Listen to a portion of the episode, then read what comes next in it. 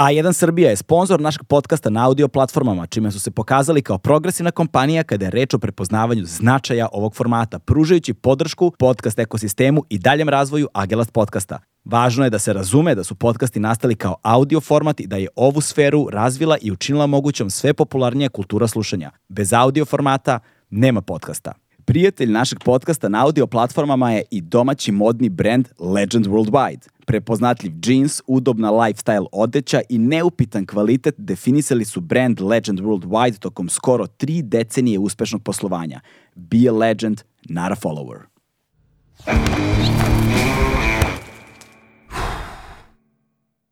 Hmm.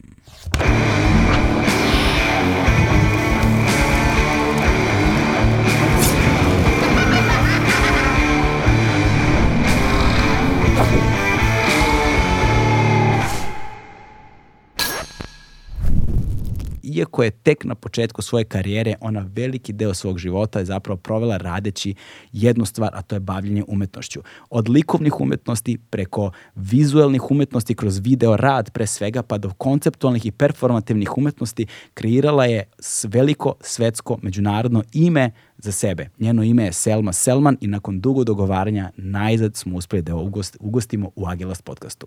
Naša sledeća gošća je Selma Selman. Uživajte. najzad možemo da počnemo. Zdravo, Selma, kako si? O, evo, odlično. Upravo sam stigla, malo umorna, ali super. Čekaj, uh, iz Amsterdama? Da. Let. Ovaj, koliko ti je kasnio let? Sat i po. Sat i po, a, Air Srbija? Naravno. normalno. da, normalno, normalno. Ono, znači nisu normali u posljednje vreme. Na aerodromu je haos yes. posljednjih godina. Da haos totalni. Barem ti prtljag nije izgubljeno tako to. Znaš, Ma barem... nije to, za sad nije. Važno je da si stigla. yes. E, znaš šta, mnogo mi je drago da si tu. Ovaj, dogovoramo se već dugo da, da, da se družimo ovako. A reci mi, a, kojim povodom si ovde? Pa ima neku radionicu u stvari, Aha. kao znači solidarnost između umjetnika i ne znam, kao mladih ljudi mm -hmm. i kao tu sam došla po dogovoru sa prijateljem. Sjajno. I malo da se odmorim. Da se odmoriš malo da, da. Od, da. od Amsterdama. Čekaj, da. ti si na rezidenciji nekoj u Amsterdamu? Bila sam na rezidenciji na Rijks Akademiji, sad sam završila u stvari prije mjesec dana, tako da je to završeno. To je kao neki postdoc. Aha, postdoc je to neki u stvari. Koliko si bila? Godinu dana otprilike? Dvije godine. Dve da. godine? Da. Jel moguće da je toliko prošlo? Jest. Wow, znači zapravo kad smo se videli ovdje u Beogradu na snimanju tamo u Kvaci. Prošlo čak tri godine. Tri godine od toga da, da, da. prošlo. Kako od moje izložbe dvije godine. Wow. Znači, ja sam razmišljala o tome super da nis nikad odustao od intervjua. Nisam, da, da, nisam, nisam. Da, Već bio... si bio naporan, kao ajde, ne, ne, probamo. Ne, ne, ne, ja, znaš kako, ja to o, kao zdravstvena knjižica, ono, predam pa kad me prozovu, znaš, tako da ja, ja imam, uh, ima puno ljudi sa kojima želim da razgovaram. Ove, ali nisu svi oni uvek slobodni i ove, nisu ni svi uvek tu a niti su svi radi da gostuju ukoliko nemaju nešto aktuelno u svom životu. To ume isto da bude faktor i onda ti, znaš, ostvariš kontakt sa puno ljudi i pa čekaš, znaš, ono, s vremena na vreme yeah. se javiš, pitaš kako si, šta radiš, šta ima novo i tako to. Posebno sam naučio tu lekciju tokom covid -a -hmm. Jer uh, kada smo snimali dok su bili lockdowni, dok je, bilo, dok je bilo sve ono što je bilo, vrlo često se dešavalo da ljudi odustanu. Ne mhm. odustanu, mm -hmm. nego razbole se ili kao imaju neke simptome, da li je grip, šta je, ja ne mogu i onda dan za dan i onda ti je, onda naučiš da imaš uvek ono, nekoliko u šteku, znaš. Moraš uvek da imaš nekoliko u šteku, inače ne možeš da se oslanjaš na to da sutra iz koznakog razloga izvisiš za epizodu, tako da eto. Eto, ali super, evo, barem smo uspjeli nekako da jesmo, da Jesmo, jesmo, jesmo, jesmo. Ovaj, a, bio sam a, na tvojoj izložbi, jel, to je bila ista izložba ona koja je bila, ona postavka koja je bila u Sarajevu. U Sarajevu a, sam bio prošli, pre godinu je, dana. Na, 2021. je bila prva samostalna izložba u Sarajevu, Nacionalnoj galeriji. Nacionalnoj galeriji, tako, yes. kod gimnazije tamo. Da, Jeste. Da, da. da. E, to, to, to je bilo 2021. Da, jel vi... 22. znači ne mogu se da, sjetiti. Da, da, da, neverovatno je. Neverovatno. I tad sam zapravo znao pošto smo, pošto smo se mi upoznali nešto ranije, pa sam malo pratio negde stvari koje si radila, ali nisam nikada video bio na jednom mestu tako mm. celokupan opus. I onda kada sam se upoznao sa svojim celokupnim opusom tada u Nacionalnoj galeriji, to mi je, to mi je bilo... Pa i to je prva moja izložba, u stvari, prva samostana izložba na Balkanu, onako velika, cjelokupna izložba gdje se u stvari mogu vidjeti mhm. šta ja radim. I to je u stvari bio cilj te izložbe, u stvari ne samo da ljudi znaju ko je Salma Salman, već upravo da se vidi šta ja to radim. Da. I mislim da je super upravo ta reakcija, napokon su ljudi imali priliku da vide šta ja to radim. Pa da, mislim, uh, sad da nekako objasnimo ljudima koji ne znaju, dakle ti si pre svega uh, konceptualna umetnica, mislim likovna umetnica, svašta nešto reći, imaš instalacije razno razne, vizuelna, ali, vizuelna, ume, eto, vizuelna umetnica, da, ovaj, imaš i performanse ovaj, i svašta nešto vrlo zanimljivo, ali to dobije onako na organskoj vezi u onom trenutku kada se to vidi sve zajedno, sprat po sprati u, u kumula, kumulativno, mm -hmm. ali ono što mi je takođe zanimljivo jeste činjenica da uh, spajaš um, intimno i, i, konceptualno vrlo, vrlo ne, nerazdvojivo je u velikoj meri. I, ovaj, i uvek, sam, uvek mi je bilo ne znam, zanima me razvoj tog procesa, zato što mi je uvek bilo malo zastrašujuće kada mm -hmm. probam da se projektujem u taj proces, da zapravo svoje intimno delim na taj način sa javnošću.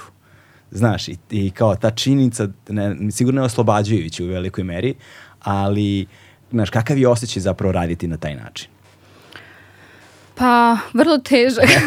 pa, zato i kažem. Ja, da. trebalo, da bi ka, trebalo bi da kažem da je predivno i super, ali u stvari vrlo onako teško, emotivno, ali s druge strane kasnije si onako zadovoljan kad odradiš rad za koji si mm. jel, dugo htjeo, htjel da uradiš.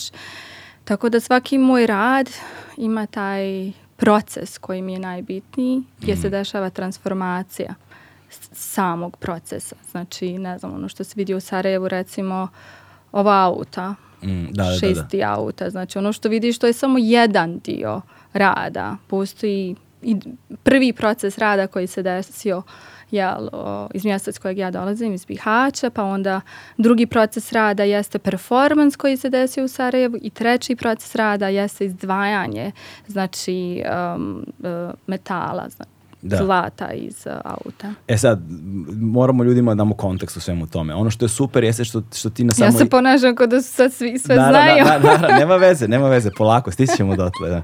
Ali mi je, uh, super je na izložbi činjenica da ti možeš zapravo da vid, imaš video rad koji te vodi kroz te procese i zapravo kada vidiš ti te delove, a, ti imaš pored da pogledaš, je bio ekran na kome se vidi zapravo kako su ti automobili izgledali taj proces razdvajanja, razdvajanja kao se sirovina i tako dalje, ali sad to, zato kažem da je važno razumeti tvoj intimni kontekst, zato što bez njega ti radovi nemaju nikakvog smisla.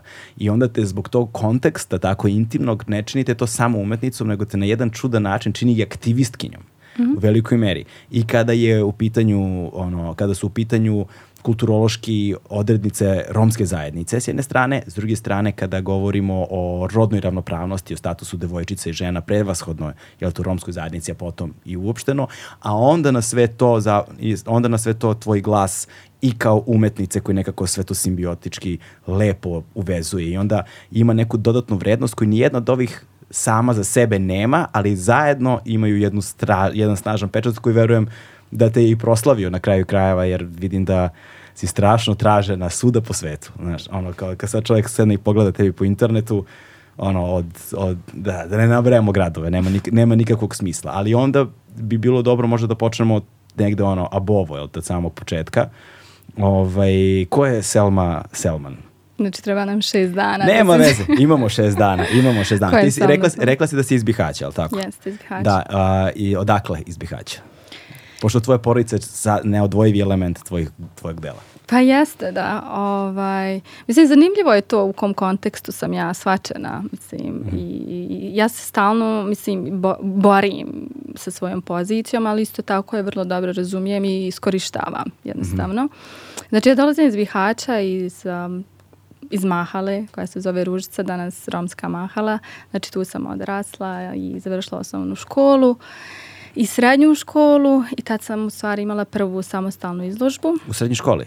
Da, sa 17 godina. Znači, Kako je taj proces izgledao? Šta, pa upravo sad, to je ono što hoću da kažem. Da, da. Znači, nije sad moj uspjeh bio linearan, da sam ja sad, aha, ne znam, evo Selma je završila akademiju, ne znam, imala jednu izložbu i to je to. Znači, moj znači moje odrastanje, ne znam, edukacija, bavljenje sa umjetnošću je nije linearno, znači ja počinjem time što ne znam. Prvo što sam ikad u životu radila jeste, ne znam, prodavala tepihe, drugo, ne znam, bavila se sekundarnom sirovinom. Onda sama činjenica da sam uspjela jel, da se izvučem iz, iz te sredine je sasvim neka druga realnost, ali mislim da moje prvo iskustvo kao uh, kao umjetnice počinje sa 17 godina kad sam prvi put imala samostalnu izložbu u Bihaću. Mhm, izložba je bila Pa to su bili u stvari jel, portreti koje sam ja Aha. radila, znači onda sam kopirala velike majstore, znači ne znam, neke velike umjetnike koje sam ja tad voljela, obožavala, ovaj, prirodu i svašta da. nešto. Tako da je vrlo onako jedna intimna... Akademiju si upisala nakon toga? Da, da, da, da. Akademija da, te, tek nakon srednje škole dolazi. Da, zato što znam da te umetničke akademije ponekad mogu da se upisuju i ranije kao znam, znam da ta varijanta postoji sa muzičkim školama, sa likovnim akademijama, sa glumom i ne znači uvek može nešto kao malo ranije da se preklapa malo sa krajem srednje škole ili tako nešto, ali ne znam da li tad pravili. Bar je mi bilo pa možda ja je bilo, možda ja nisam da. tad stvari znala. Nema veze. Ovaj, kada, kada čovjek prolazi kroz tvoju izlužbu, jedna, jedna stvari koja se izdvaja jako, to je taj kontrast. Sad ja prosto uvek je nekako nezgodno ne razgovarati o tome. Ja se trudim da nikad ne idem u tu stranu ka nekakvom senzacionalizmu ili iskorišćavanju na neki način, ali to je prosto neodvojivi deo tvog rada i onda, na, i onda sad gledam kako, naš, da se, kako se pravi navigacija kroz tu vrstu razgovora koji je na granici između intimnosti i umetnosti. Ali a, ti si zapravo a, dokumentovala a, videom, amaterskim videom, brojne razgovore koje si imala unutar porodice koji negde oslikavaju a, određene kulturološke elemente unutar zajednice koji na neki način žensku decu iz romskih zajednica sprečavaju da napreduju u životu i ti si uspela da se izdvojiš iz toga i na, na je postala glas zapravo tih istih devojčica i pružaš svojim primerom a, pokazuješ da je moguće i da ta mogućnost postoji i za obrazovanjem i bekstvo od prinudnih brakova i tako dalje. Ali me zanima kako je to iz tvog iskustva izgledalo i, i zato sam te i pitao na početku taj odnos intimnog uh, i umetničkog, jer izdvajanje tako duboke intime i prezentovanje nju kroz umetničko delo, koje ipak jeste na neki način posredovano, ali opet je davanje javnosti na izvolite. Pa jeste, tad to postaje i politički. Tako. I tad je to, jel, ta moja konceptualna vizualna umetnost koja može jednostavno da nekako približi ljudima, ne znam, neku realnost koju oni mogu da razumiju. Što se tiče tog rada o kojem ste sad pričao, znači kupujem svoju slobodu gdje ja u stvari a, radim dokumentarni film sa svojim porodicom gdje ih pitam u stvari koliko ja ja trebam njima da dam novca da bih me oslobodili braka.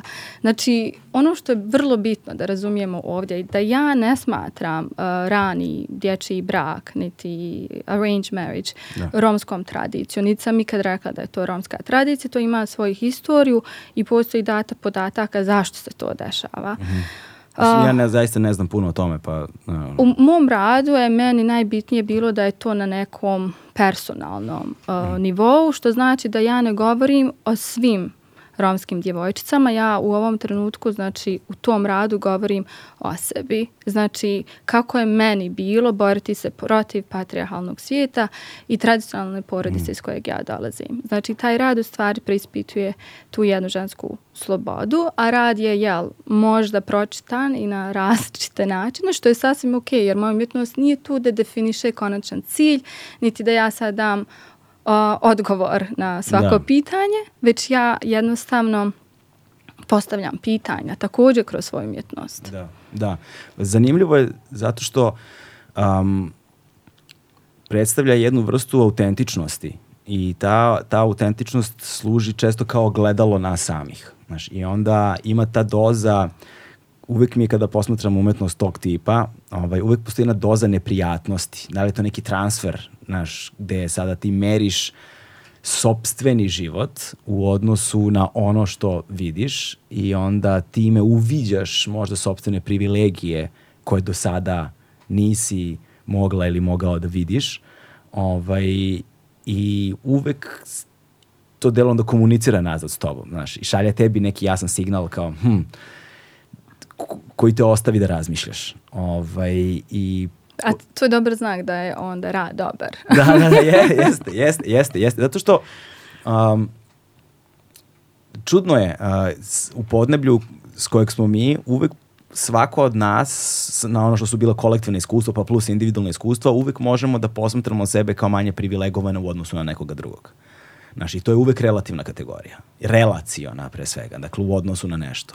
Ali vrlo često se, zap, vrlo redko se zapravo okrećemo preko ramena i posmatramo one koji su manje privilegovani od nas samih i onda imamo tendenciju da sebe viktimizujemo, znači da sebe mm -hmm. posmatramo kao žrtve, dok ignorišemo nešto drugo. I ono što je meni uvek bilo a, fascinantno kada su romske zajednice u pitanju jeste način na koji zapravo uh, već generacijama unazad, mnogo generacija, ne znam koliko dugo unazad, zaista ne bih da lupetam, ali postoje kulturoške barijere koje čini mi se da je to najzapostavljenija u kontekstu barem naših društava ovde na Zapadnom Balkanu.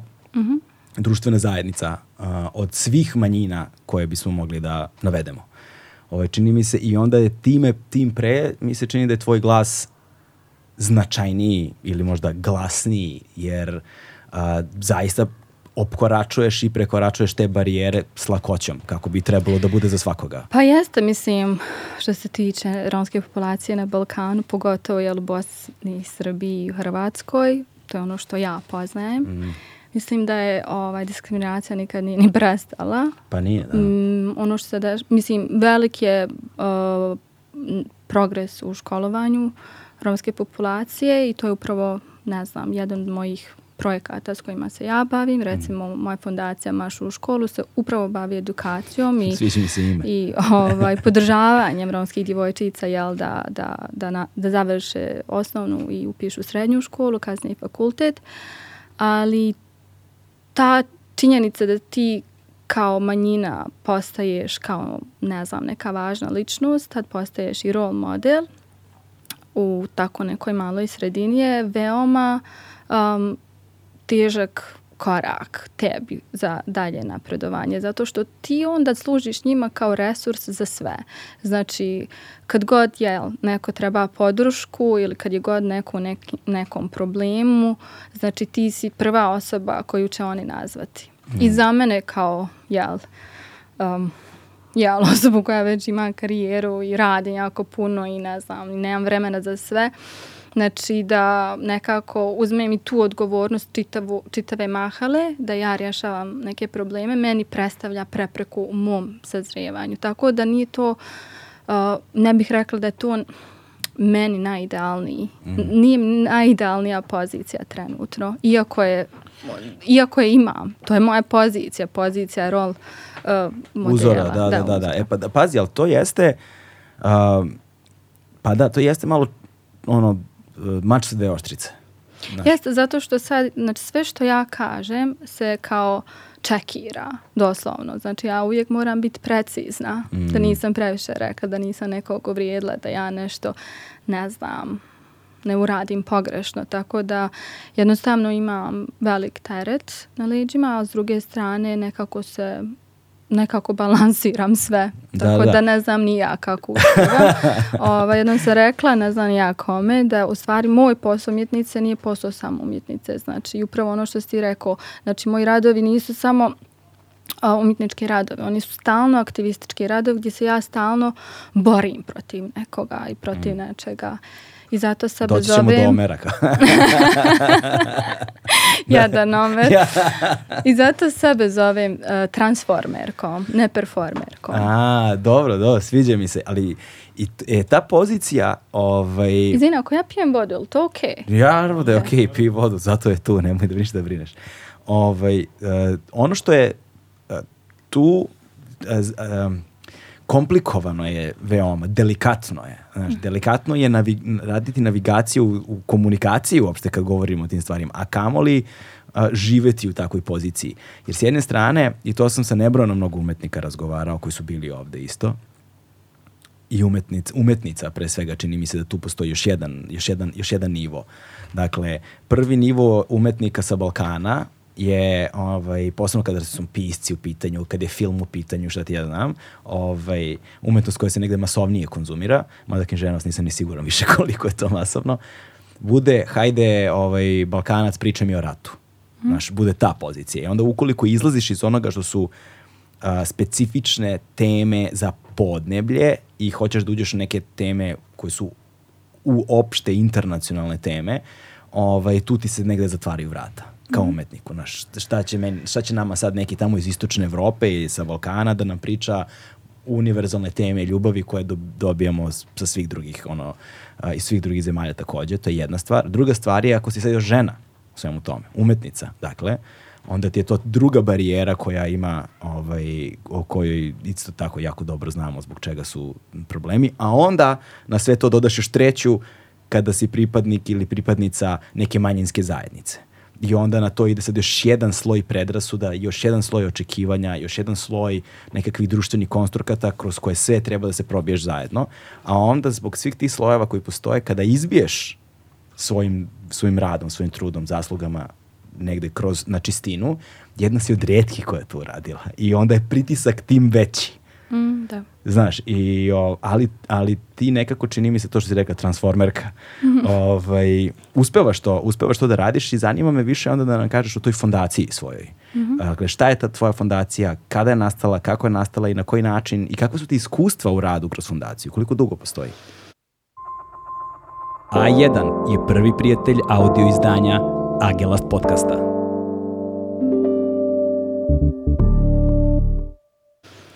Pa, fondacija počinje u stvari 2017. godine, znači kad sam još živjela i studirala u Americi, u Njujorku, ovaj, da sam razmišljala o tome da li bih ja trebala prvo da sačekam, da prvo ja ono, imam neki svoj život koji je stabilan, pa da tek onda osnovim fondaciju i da ovaj, krenem sa školovanjem romskih djevojčica, ali sam onda shvatila kako bi ja u stvari uh, ako bih čekala još naredne dvije, tri godine, možda bi se nešto desilo, možda bi neka djevojčica izgubila priliku za nešto i onda sam, jel, to je bila kao hitna akcija neka koja mhm. se morala desiti i tad sam organizirala prvu kao izložbu aukciju slika i tad smo uspjeli da prodamo dovoljno slika da bih mogli da stipendiramo samo pet romskih djevojčica iz moje mahale.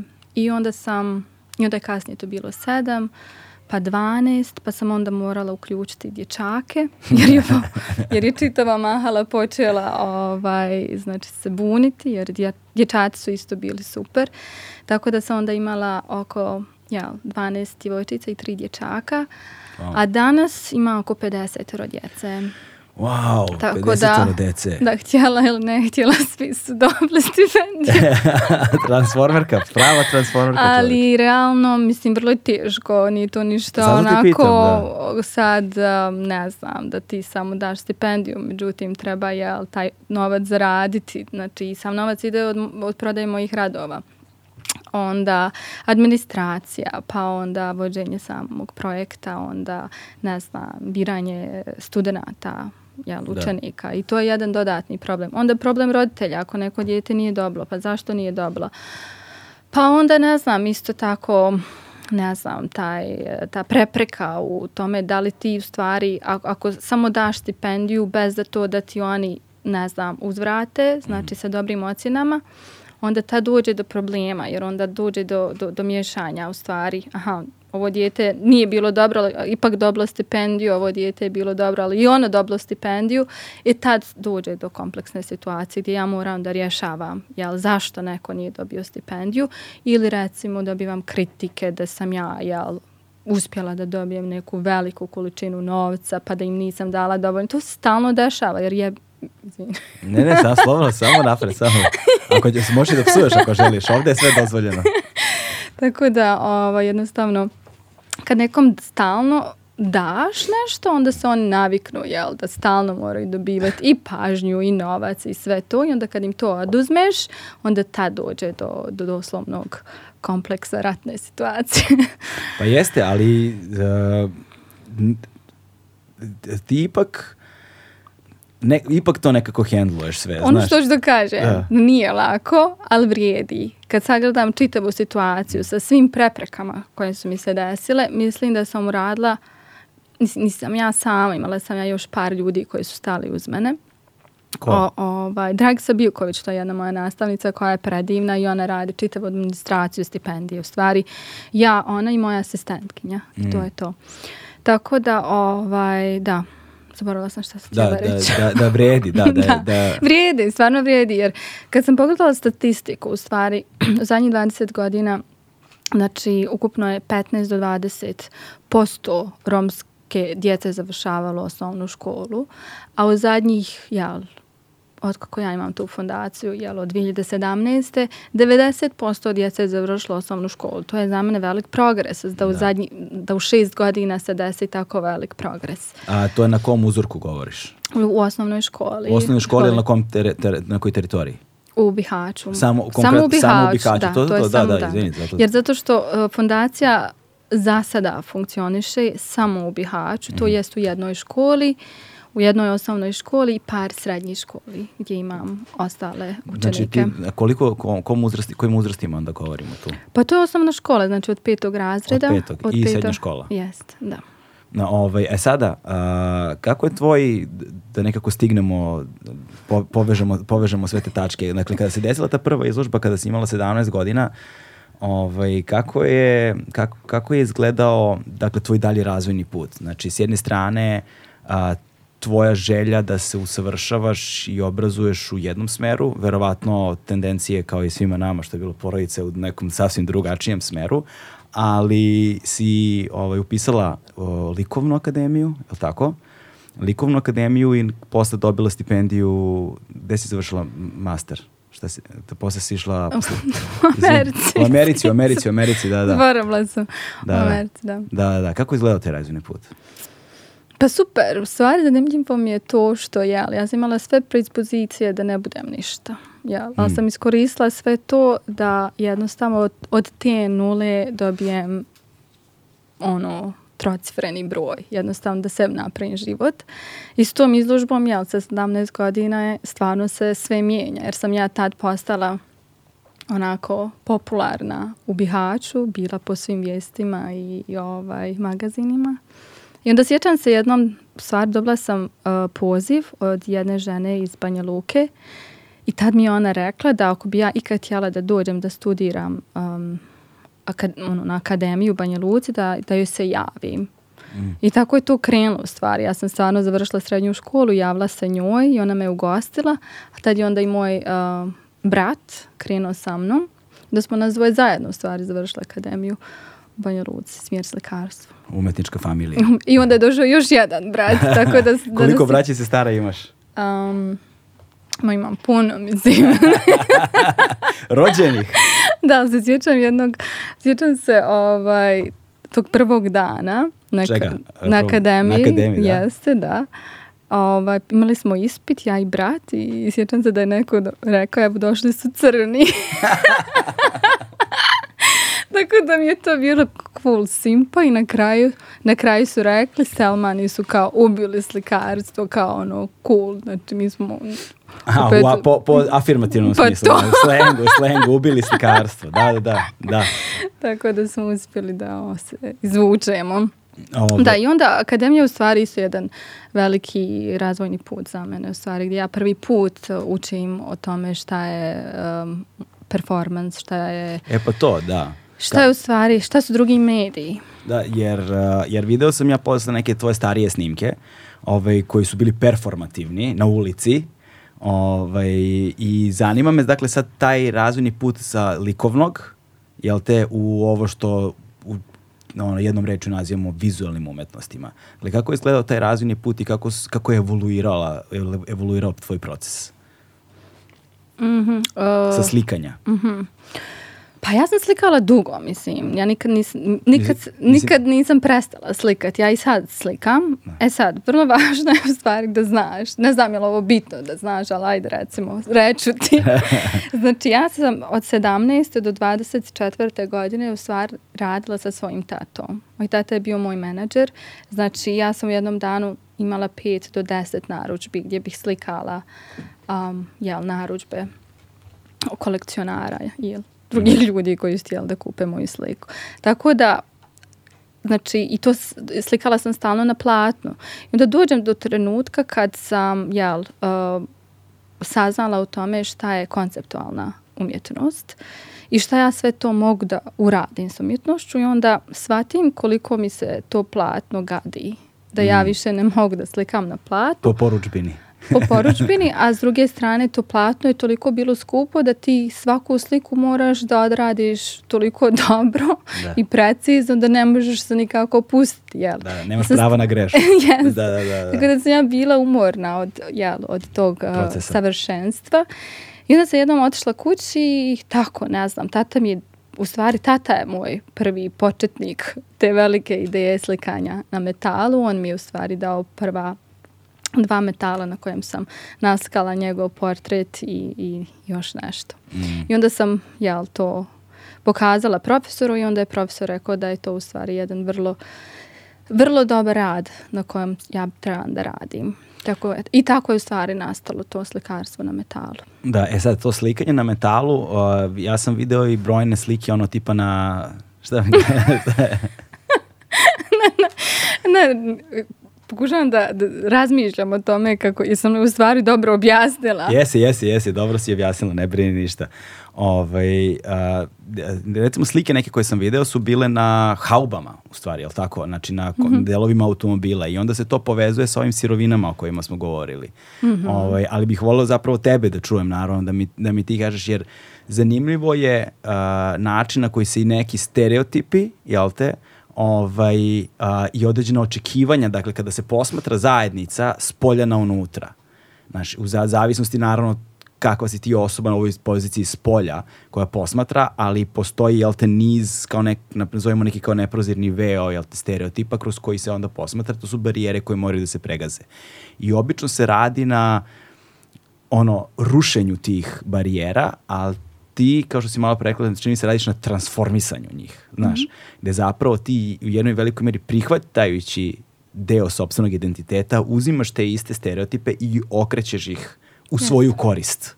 Da. Što je vrlo zanimljiv proces. Ovaj, e, zanima me evolucija tog procesa, zanima me i tvoja intimna transformacija u tom procesu. Dakle, jedna stvar je kada ti zanatski, odnosno stilski pređeš sa plata na metal, ali sasvim je drug, novi nivo konteksta je koji su to delovi metala i koju priču oni pričaju sami za sebe, plus u spoju sa ovim likovnim. Jeste, slikanje na haubama u stvari uh, transformiranje auta, to počinje kasnije. Znači, prvo sam ja slikala na raznom na raznim sekundarnim, sekundarnim sirovinama gdje oni predstavljaju objekte koji više nisu smeće, već oni predstavljaju, oni sami po sebi dobivaju kao svoju, svoju vrijednost. Znači, trans, e, transformacija vrijednosti, direktna transformacija vrijednosti, gdje sam ja doslovno uzimala jel, otpad um, koji bi tata jel, prodavao, ja bih ga uzela, slikala na njemu i onda to izložila recimo u Njujorku. E tad ono što se dešava meni jeste da ja se osjećam toliko lijepo kad mi dođu tako te bijele bogatašice i pipaju moje radove. I ja onda znam odakle moj rad dolazi. I tad se dešava da. ta transformacija vrijednosti koja dalje mene nekako ohrabruje da i dalje eksperimentišem. Šta bi ja to dalje mogla da uradim? Mm. A, izvini, ali se dešava i unutrašnja transformacija. Pa kako da ne, Znaš, da. Koje, koje, koje govori jednoj klasnoj borbi između ostalog. Jeste, ali vrlo je bitno isto, isto tako da da, da shvatiš da ja nikad nisam pravila razliku između sebe i drugih. Ja sam sebe prihvatila ovako kako jesam već mm. odavno. Znači ovako kako ja razmišljam, razmišljala sam i prije 20 godina. Da, da, da. da. E sad, e sad, 2019. ja dobivam poziv da uradim taj neki veliki performans. I Gde, izvini? U Njemačkoj, Hamburgu. Aha. I... Čekaj, 2019. to je posle pa Amerike, pa, posle svega? Jeste. Ok, da. ok, ok. Znači, I ta, u stvari tad je bilo prvi put da sam ja jel, uh, uništila auto zajedno sa svojom porodicom, u stvari sa tatom i bratom. Da, to je oni, to je oni snimak koji, koji sam video, jel tako? Yes, da, to i... je auto, ali prije toga sam uništila vešnu mašinu ili usisavače. To su ti bili mali objekti koje ja zovem autoportreti. Mm -hmm. E sad, da, zašto autoportreti i šta či, znači taj čin destrukcije ili dekonstrukcije? Dekonstrukcija. Dekonstrukcije, da. Šta, šta, šta, e, šta stoji iza toga? Pa recimo prvi put šta se dešava u stvari da ja, ja živim, u tom trenutku sam živjela u Njujorku i onda sam dobila poziv da radim performans u Rijeci u sklopu nekog festivala u muzeju o, ovaj, savremene umjetnosti u Rijeci od Slavena Tolja i kao ja sad trebam da uradim nešto. Međutim, u, u Njujorku jednostavno nisam uspjela da, da, da nekako da shvatim samo sebi šta sam ja htjela jer, sam, jer tamo nisam imala mogućnosti da ovaj, slikam već sam morala raditi. Mislim, imala sam par hiljada nekih poslova. Tako da, u stvari, ono što se dešava jeste da ja razmišljam o tome jesam li ja izgubila integritet iz mjesta iz kojeg sam došla. Čekaj, kako, da li si izgubila integritet uh, mesta iz kojeg si... Da. Da, znači, da, da on, on, da li sam izgubila integritet iz mjesta iz kojeg sam došla? Mm -hmm. Znači, jer ni, recimo, znači, znači ja sam otišla u Americi odmah poslije akademije doslovno, što znači da dobila ja... Dobila si stipendiju neku? Ja sam dobila sam stipendiju da studiram na Syracuse univerzitetu, mm. studiram video umjetnost i performance. Znači ja u Americi ponovo krećem od neke nule je u stvari, jel, ponovo trebam da objašnjavam ko sam, šta sam, ponovo kreće novi ciklus radova, da ja smatram da u stvari u Americi sam dobila jednu jako bitnu edukaciju koja mi trebala da bih mogla da razumijem ovaj, kako da se danas izborim kroz umjetnički svijet ovo mi je zanimljivo. Sve sam, ne, nis, sve ne, sam teme, sve ne, sam rekla, nema veze, ništa nisam rekla. ne, ne, ne, okej, okay, okej, okay, opusti se. Ovaj, uh, zanimljivo je to, jer rekla si sada, vratit ćemo se na temu, dakle, pomenula si Rijeku kao yes. mesto gde si se zapit, kada je trebalo da performa, kada je trebalo da na, napraviš nešto, da. ovaj, gde si se zapravo zapitala da li si izgubila sobstveni integritet yes. mesta iz kog si došla, što je verovatno opet pitanje. Ono što ti, mislim, važno da napomenemo ljudima, ono čime se ti takođe baviš, pored svih ovih slojeva koji su i umetnički, aktivistički i ovakvi i onakvi, je identitet identitet je nešto što je meni strahovito zanimljivo od celog života ovaj, i dan danas je.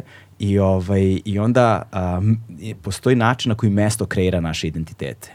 A onda kontekst tog mesta, neki zeitgeist, jel te, duh vremena, tog mesta koji kreira takođe naš identitet. I onda se mi formiramo unutar tog vremena i prostora u kojem se nalazimo i kontekst tog vremena i prostora je važan za razumevanje onoga što radimo.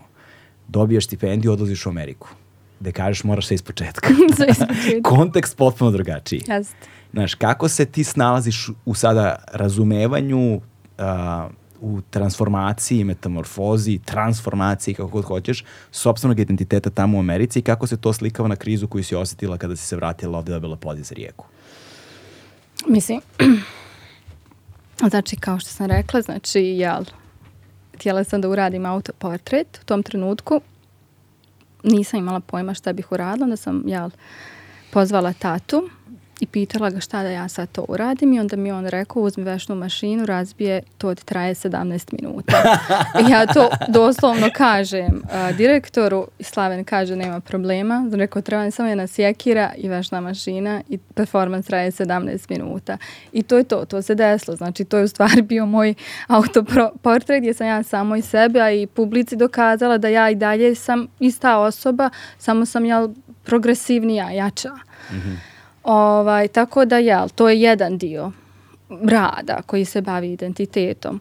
Način na moj identitet sada je mnogo veći, jači možda, zato što ga razumijem na nekom drugom levelu, gdje sebe smatram super u neko, gdje sam ja u stvari u toj super poziciji koja dolazi iz kvante fizike, da ja nisam samo jedna osoba. I to mi je cool, to mi je toliko super. Uh, da ja mogu sebe da objasnim, da ja nikad nisam jedno, niti niko od nas nikad nije jedno. Vi, vi, mi, smo, mi smo u stvari bubble neki, punti neke identiteta koji se vežemo jedno uz drugo. Superpozicija znači da ovaj, elektron može da se nalazi na dva mesta u isto vreme, jel te? I bez obzira na udaljenost da je da su, da su i dalje povezani.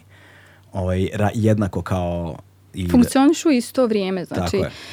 A u stvari kad, kad mislim, toliko, toliko je to poetično, toliko je lijepo u stvari kad, kad bi onako sam razmislio o sebi samom, shvatio bi kako, bi, kako je to isto u stvari, kao i naše tijelo, kao i naš identitet u stvari. Ali me zanima šta je, koja je druga pozicija u toj suprapoziciji?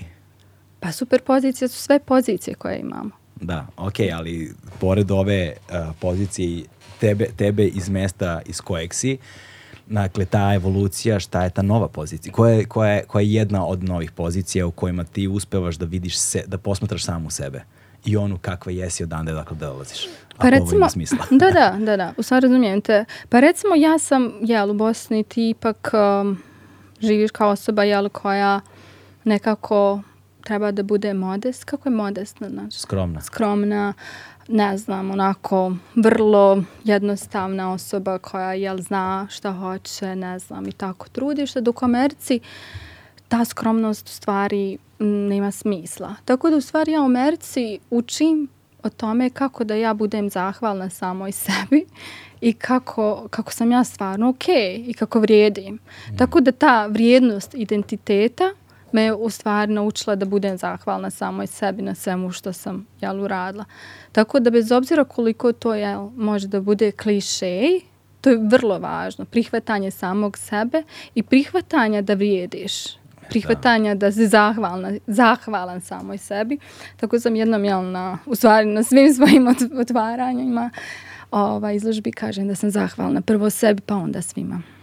Da, to je zanimljivo, vidiš, zato što a, samopouzdanje, a, verovanje u sebe i je nešto što, sa čime čini mi se da se, prvo postoji kulturološka jedna imen, i razlika u, u, u načinu razmišljanja. A, čini mi se da ne mogu da kažem u zapadnim društvima, mislim da je to specifično američko, ovaj, ali uh, Uh, ovde sam primetio, na primjer, kad god nešto treba da se radi, ovde uvek je fora, nemoj da pričaš koliko imaš para. Kao kukaj, samo kukaj, samo kukaj. U stvari, u Beogradu, ča, u stvari Srbiji više kukaj nego u Bosni. Da. Ali stvarno, majke. samo kukaj kako nemaš da bi dobio. Znaš, yes. ovaj, ali tamo to ne vole. Tamo vole, tamo vole se hvale koliko imaju. Yes, znaš, da. obrnut je proces, hoću da kažem. Nekako, i onda je, i onda je način na koji stvari onoga što, onda iz toga, iz te jedne male činjenice, kada granaš dalje u evolutivno, mnoge stvari počinju da postaju jasne.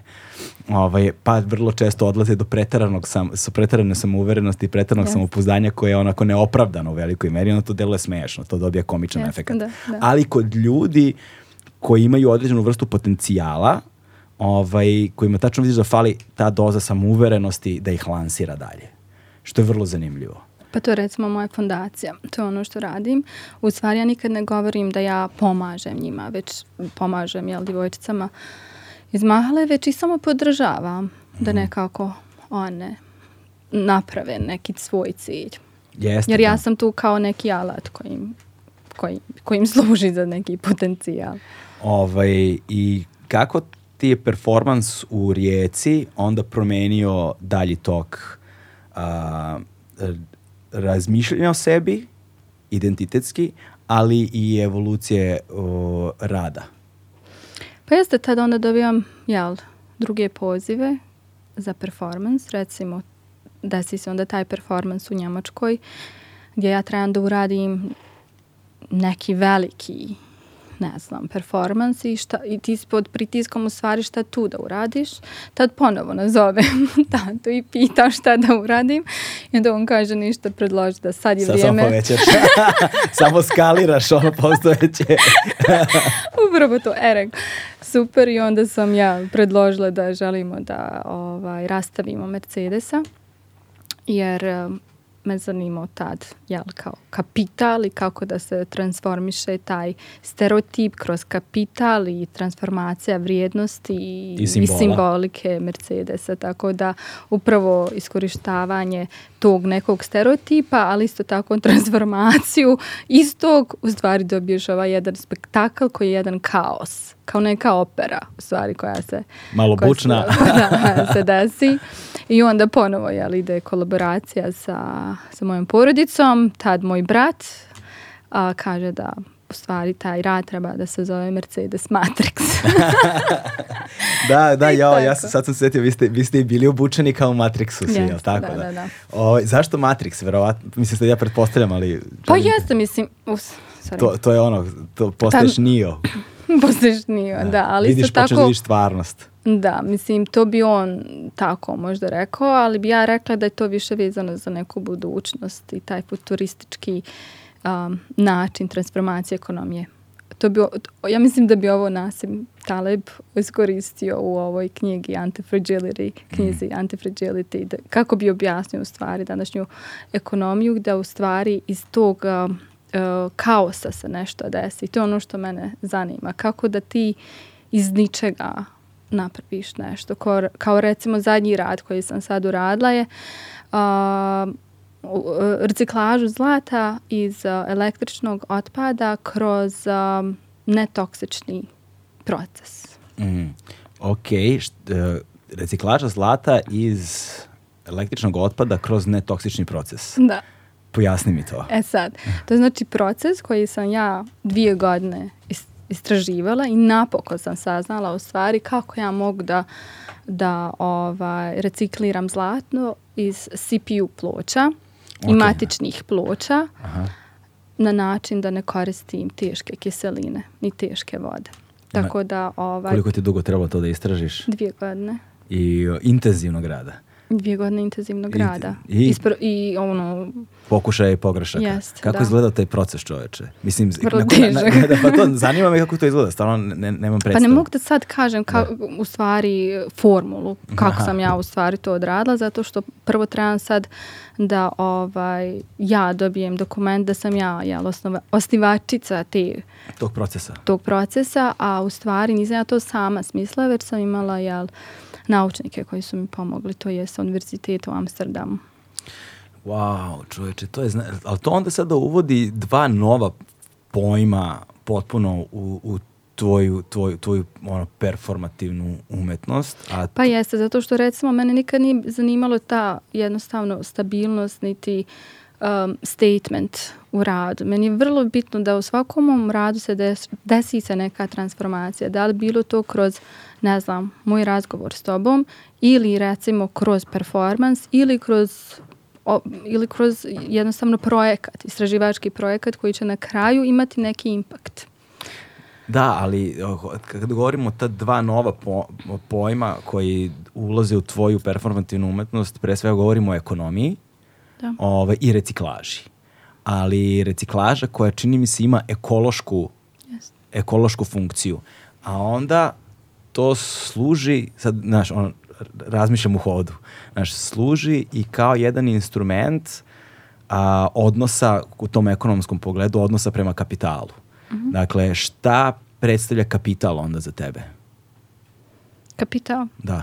U kom smislu? Pa u smislu recimo to, je te transformacije, dakle zlato iz ono otpada je jedna vrsta kapitala. Jeste, pa zlato, će uvijek, zlato uvijek ima kapital, zato ga iskorištavam sad jer ono predstavlja i objekat um, egzistencije kao, mm. a isto tako neke savršenosti. Da, ali tu je, tu je primjer nešto plastičniji u smislu ovaj, pan intended, znaš, kao ovaj, kada govorimo o, o jel te, uh, ekološkom procesu transformacije, odnosno reciklaže, gde se u tom procesu izdvaja, izdvaja zlato. I onda je to nekako jedan na jedan. Ali recimo kada govorimo o transformaciji kapitala sa Mercedesom, mm -hmm. šta onda govorimo? Jer on je imao jednu vrednost kapitala kapi, jednu, jednu vrednost u kapital, ima svoj kapital mm -hmm. kao vozilo i kao brand, odnosno mm -hmm. simbol, jel te, Mercedes sam, sam po sebi, jel te, ali transformišeš ga u neku drugu vrstu kapitala. Ono postaje umjetnost, a umjetnost isto je kapital. Da, ali, ali je i reciklaža. Jeste. Da ono sada dobiva mnogo veću vrijednost nego što je imalo. Zato što ono ne predstavlja samo uh, brand, ne predstavlja samo jel mašinu, mm -hmm. već mhm. sada ima jel E, sama činjenica kad um, skontaš u stvari ko su ljudi koji su jel, razdvojili to auto, mm. u stvari razbijanje uh, stereotipa, uh, jel, transformacija vrijednosti, da u stvari, um, znači, šta se dešava? Da sad taj posao koji se ne smatra nekim vrijednim poslom, kao recikliranje sekundarnih sirovina je jel, najjadniji posao koji možeš raditi pod navodnim znacima. I znači to je posao koj, s kojima se ja uh, moj roditelj bave. E, znači ja iskorištavam isti uh, posao i stavljam ga u kontekst umjetnosti gdje ono postaje kao precious. Ono da, postaje vredan. umjetnost. Da, e, da. E tad se dešava najveća vrijednost. Da, da nešto što nije imalo vrijednosti u ovom drugom kontekstu postaje najvrijednije. E to je ta razmjena uh, kapitala ali razmena vrednosti pored kapitala u smislu um, gledao sam dokumentarni film uh, uh, relativno skoro uh, koji se zove Flašaroši ovaj, na engleskom Bottleman a, i ba, bavi se ekipom koja na velikoj deponiji u Vinči ovaj, sakuplja flaše mhm. odnosno boce, on, plastičnu ambalažu rade oni i druge stvari, jel te, i ima tu i metala i sve, ali su podeljeni tako po klanovima i uh, Ono što je zanimljivo jeste kada sam razgovarao sa dečkom koji je autor, jel te, i reditelj, i proveli su oni ukupno, koliko beše godina? Pet godina, sedam godina su proveli zapravo sa akterima tamo, mm -hmm. do zatvaranja deponije i jedna stvar koju je ona pomenuo u tom trenutku kada je on tipa izašao tek sa fakulteta i, i, ovaj, i, i počeo da radi na tom, na tom dokumentarnom filmu, ono, nije imao love, znaš. A ovi sa poslom koji su obavljali su zarađivali dosta dobru lovu, u odnosu na njega barem, mm. sve je to relativno, jel te? Ali s druge strane posao koji niko nije želeo da radi. I ono što ti malo prekažeš, najjadniji posao, po znacima navoda, jadan u, u, u, u društvenom smislu, dakle u smislu onoga, znači, pozicije koju ima na društvenoj lestvici. Mm kao socijalni kapital. Kao socijalni kapital nema veliku vrednost, ali kao nešto što može da produkuje fizički kapital ima vrednost. Mm ovaj, i da ti ovim procesom zapravo uh, ne samo što razmenjuješ vrednosti jednog vozila ili simbola u sirovinu koja možda ima veću vrednost ili nema, to je sada druga, druga tema, nego daješ na vrednost i samom postupku. Dakle, sam postupak reciklaže, razdvajanja, kako god da se izvlačenja sirovina, kako god da se naziva, dobija na vrednosti. Sad kad razmišljam na pamet, deluje mi i da uh, kako posmatramo jel te savremeno, da, savremeno doba, ovaj, ta vrsta znanja, ta vrsta veština sve više dobija na vrednosti s obzirom na to kako nam ekološka ugroženost ono, vreba nad glavom. Da, ali to sad, ali prije 100 godina kad su Romi jel, počeli da skupljaju sekundarnu... Ali se transformiše kroz vreme. Ali tad nije bilo uopšte važno, niti se smatralo to kao nekom um, ekološkom akcijom. Mm ova, gdje u stvari, mislim, to, vrlo mi je super on, paradoks da u stvari prije 100 godina nikad to nije imalo nikakvo značenje ako Romi to rade, a sad pošto kao zapad jel, zadnjih par godina je jel, vrlo aktivan što se tiče ekološke zaštite, sad je to vrlo važna tema. Da, da. E sad, kao sad sekundarne sirovine i skupljanje sekundarnih sirovina postaje vrijedno i mislim da možda moj rad iz i jedan, od jedna od činjenica može da bude da je to kao mm. dodatna vrijednost mom, mom radu. Da Zapad sad razumije kvalitet e, recikliranja. A da li to znači da je tvoj rad možda mu ovo nije konačna destinacija. ko zna? Ko je Znaš, možda, će, mo, možda, možda, će, možda će da se desi neka nova transformacija i evolucija ili naš, postojećih elemenata uh, koji začinjavaju tvoju umetnost u nešto novo. Znaš, ne deluje mi kao kamenjena forma koja je jednom završena, sada je takva. Trenutno je možda samo takva. Sa, da. Ko zna, mislim, velik mi je progres sad da surađujem sa, sa naučnicima i da od njih mogu nešto da naučim i studiranje hemije ponovo, tako da mi je to onako uzbudljivo i, i jedva čekam recimo da krenem sa nekim drugim projektom gdje mogu da nešto drugo istražim, tako da ovaj projekat, projekat sa zlatom mi je vrlo važan zato što recimo uh, um, je to jedan umjetničko-naučni, poetični uh, ovaj projekat. Ali kako to izgleda iz ugla posmatrača? Dakle, šta je to što publika vidi? Znaš, jer vidi samo gotove finalne proizvode ne. tog procesa ili vidi proces? Vidi proces. A, mislim, najbitnije u mom radu jeste taj proces, ko što sam rekla, vješ, uvijek se desi tri, četiri o, tri, četiri akcije prije samog konačnog rezultata, gdje ti u stvari imaš prvo istraživanje koje mhm. traje dvije godine. Onda imaš jel, samo akciju, performance, gdje ja performiram te performiram performance da. da. u stvari sa, sa svojim članovima performans. kako, kako, ne, kako taj, izvini molim te, dakle u procesu, u procesu ne, ono, kreiranja. Ne, ono što sam cijela reći u stvari, da u stvari prvo se desi performance kao glavni faktor, da ja kažem, da, sad ćemo, ponovo mi trebaju moji roditelji, brat, tata i komšija, u stvari gdje ponovo dobivamo poziv, treba nešto da se uradi i onda ja ovaj, skontam ideju, tre, sad ćemo uništiti, ne znam, 100 kompjutera, iz tih 100 kompjutera vadimo CPU, e to je znači jedan dio, jedan proces rada. Drugi dio, drugi dio a, rada jeste ovaj, znači drobljenje tih a, matični ploča, iskorištavanje tog zlata da sada se ono reciklira. I treći dio jeste pravljenje tog objekta koje postaje jel, Koliko to traje se zajedno? Pa traje dugo, znači, mislim, performans sve se to odradi za dva dana, međutim, taj proces recikliranja zlata traje dugo, par mjeseci. Wow, da, da. to je baš, znači onda tu u tom slučaju moraš da imaš neki kao etapno gotov proizvod. mislim da ima da ga imaš prikazano prikazano u etapama različitim verovatno kao Pa imam, da, da, uvijek da, da, izloženo, da, da, da, da, da, da uvijek što bi to bi meni recimo bilo zanimljivo da vidim na taj na taj način. Pa ja se radi po, mislim, ja sam stvari htjela da ponesem taj ekser da ti pokažem, ali sam zaboravila. Nema veze. ali me zanima, ovaj, kako se, kako se, kak, šta je bila inicijalna ideja? iz koje si zapravo krenula na to putovanje. Znači, jer, ono, baviti se istraživačkim radom da kreiraš nešto sa čime nisi imala ranije kontakta, uh, u oblasti koja ti je potpuno strana, treba da ima neko žarište iz kog je to krenulo, koje je dovoljno jako da te povede na taj put. I kako si nalazila te uh, naučnike sa kojima si, sa kojima si ušla u saradnju na svom, pro, na svom, projektu, na svom projektu? Pa recimo prvi rad u stvari gdje ja recikliram kao zlatu, to je platinu, desio se u Sarajevu. To, su, no. Da. to je ti šest auta koje se vidio iz kojih sam uspjela da dobijem 33 grama platine i da napravim tu sjekiru.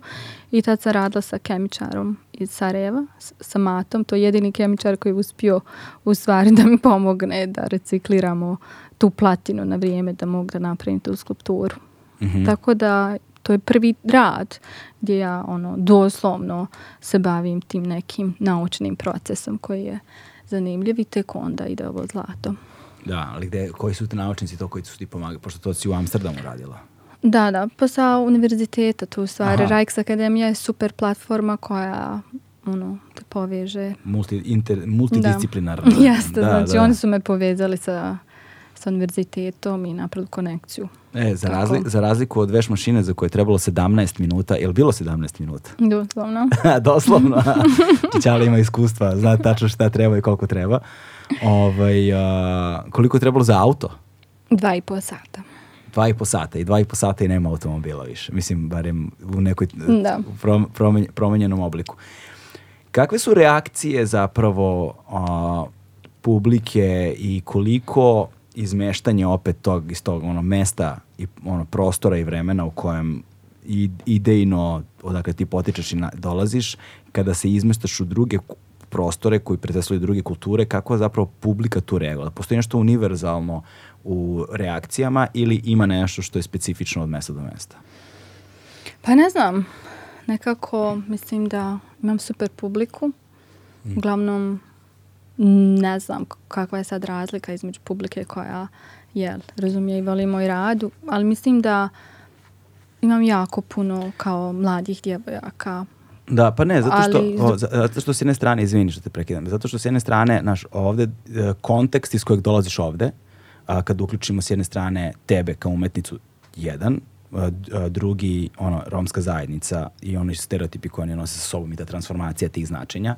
Da li se ta tra značenja transformišu i imaju isto originalno značenje ili imaju, imaju istu originalnu simboliku i na drugim podnebima? Zašto, znaš, ne znam ja sad kako izgleda odnos društveni prema, ne znam, romskoj zajednici u Nemačkoj, da. prema na koji način oni razumeju i kapiraju u Americi, uh, i na koji način, ne znam, u Holandiji, koji način u Bihaću, znaš, sigurno postoji razlika. Pa da, mislim da je najvažnije da u stvari moja publika u stvari mene gleda kao umjetnicu pa i da to. u stvari nije uopšte važno u stvari moj nacionalni identitet. E. Meni je važan, u stvari ono je moje sredstvo koje ja koristim, ali nije jedino.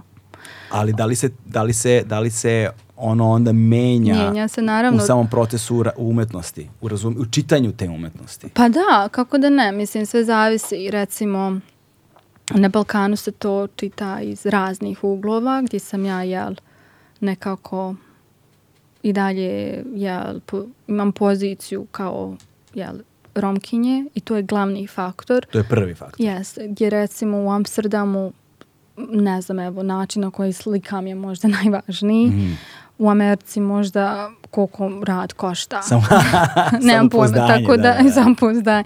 Tako da je različito, ali mi je najzanimljivije u stvari kad se vratim u Bihaću, koliko god je meni najteže se tamo vratiti, toliko mi je i nekako najdivnije. I tamo ja predstavljam tako jednog Titu, jednog uh, Ronalda, Picasa i onda stalno imam te neke konotacije sa nekim velikim jel, muškarcima. Ja, da, sad su Picasa cancelovali, čini mi se. yes. da. Ili su u procesu, da. Nemam pojma. Uglavnom, ovaj, mi je to zanimljivo da, da te povežu tako sa nekom osobom koju će pamtiti. Da, ali i zanimljivo je takođe koliko je ovde vrlo često neophodna ta čudna sprega da je neophodno za neke stvari da ostvariš uspeh tamo negde, da bi se taj uspeh potvrdio nazad tamo odakle dolaziš. A pa to je normal, mislim, to je ono no, normala kod nas da u stvari koliko god radiš, nikad nisi dovoljno radio, te kad, se ost, kad ostvariš neke savršene rezultate van a šta znači, zemlje. a šta znači savršeni rezultati? Znaš pa ja mislim da tu u stvari ovaj, mislim koliko god je banalno, realno je u mhm. stvari da prvo što recimo kad ja odem kući, da prvo ono što vide jeste kako ja izgledam, kako auto vozim. Ja u stvari moram voziti uvijek dobro auto. Da Mercedes. Da, vozim Mercedes. da ja imam status. Da, da znači, da, da, moj da. status je vrlo važan. Tako dakle, da ja i dalje imam status, jel najbitnije, najvažnije. Uh, jelo osobe u selu. zanimljivo, zanimljivo. Ovaj, a, još jedna stvar koja provejava, jel provejava, koja je snažno prisutna u tvojim radovima jeste Omer. Znala sam da da Kao još jedno pitanje. Da, da, da, pa mora, pa šta, mora, mora. Omer. Ja, znači Omer je ono, jedan Omer. Znači, a, najslađe je to što svi ti moji bivši... Uh, se učitavaju. Da. Ali na, niko nije Omer u stvari, mislim. Niću ja kad reći ko je u stvari pravi Omer. Da li on u stvari postoji. Ne bi onda bilo zanimljivo kad bih da. rekla u stvari istinu o Omeru. Da, ali hajde za ljude koji ne znaju ništa o Omeru. bolje da ništa da, ne znaju. bolje da ništa ne znaju. Dakle, u tvojim radovima postoji uh, uh, lik koji se zove Omer, da. uh, kojem se ti obraćaš. Uglavnom kroz a, uh, formu pisama, epistolarnu formu, jel te, dear Omer, dragi Omere. Mm -hmm. ovaj, koje, gde Omer zapravo nastaje uh, u tvom radu i koja je njegova pozicija i njegovo, me, njegovo mesto i šta je njegovo značenje? Mislim, simbolika, težina, ona koju on donosi. Pa jeste, u stvari vrlo je to jednostavno. Znači ja sam stvari htjela da napravim, um, da stvorim sebi karaktera s kojim mogu da iskomuniciram. Ne zato što ja nisam mogla svima da kažem što sam htjela. Ja sad mogu svima da kažem sve u lice, ja nemam problem time. Već sam htjela da uradim tako jednu da se vratim ponovno na taj, na taj dio poezije, jel, koja je meni isto tako vrlo bitna, A onda sam stvorila Omera jer Omer je u stvari uh, ime, u stvari ime Omer se ne pojavljuje često više, pogotovo zato što je to jedno tradicionalno ime koje se uglavnom daje tako reći nekim seljačkim porodicama u stvari. Mhm. To su neko, mislim, Omer je vrlo, vrlo, vrlo rijetko ime. Da sam ja htjela da, da nekako vratim Omera kroz pisanje njemu, a isto tako Omer je kriv za sve. Omer i, i krivi nije u stvari za sve. Tako što god se desi u svijetu ili meni, znači ja to na jedan poetičan način pokušavam da, da objasnim Omeru, a to je isto tako autobiografija koju ja pišem, u stvari pisma koja ja postavljam na Instagramu, to su kao mimovi pisama, da, da, da, da, a pravu autobiografiju stvar nikad nisam još objavila, jer nju pišem i ta pisma koja pišem Omeru su, Omeru su mnogo duža i vrlo onako realna i kritična. A, isto tako moram reći da sam onako dosta inspirisana Octavian Butler, gdje u stvari i ja onako pišem kao neku conspiracy teoriju mhm. gdje postavljam kao realnost u realnost, prošlost u prošlost i da, gdje stvaram tako gdje stvaram nemoguće situacije. Što znači realnost u realnosti? Pa ne znam, nešto što, nešto što mi se desilo sad i nešto što će mi se desiti u nekih sljedećih deset godina. Pa to objašnjavam recimo. Mm. Ne, nešto što je stvarno realno, što znam da će se desiti. Meni je zanimljivo, je, ja sam to vidio na kao neku vrstu inverzije uh, a, nečega što se kao motiv pojavljuje u, u umetnosti, u književnosti, pre svega u poeziji, ono, od, kako postoji celokupno to judo-hrišćansko nasledđe poe, poezije. Znači imamo, na, ono, Katuli je imao svoju Sapfo, mm -hmm. jel te, Sapfo je imala svoju lezbu, pa je Katul imao svoju Sapfu, pa je Dante imao svoju Beatrice, pa je Petrarka imao svoju Lauru, pa je od njegine imao svoju Tatjanu, pa je Romeo imao svoju Juliju, pa, znaš, i ono, sad možemo da provučemo kroz kanone, jel te, i kroz epohe, da se napovi, napravi vrlo jasna linija, koja je nosila tu simboliku takozvane nemoguće ljubavi, ovaj, neostvarive ljubavi, a, gde je ona morala da bude nemoguća da bi bila idealna, jer se verovalo da idealna može bude samo ona koja, koja, koja, za koju postoji prepreka. Da li je prepreka vreme, da li je prepreka prostor, da li su prepreka porodice kao što je u Lomiju Juli ili su prepreka što ona prosto ne postoji i time je idealna.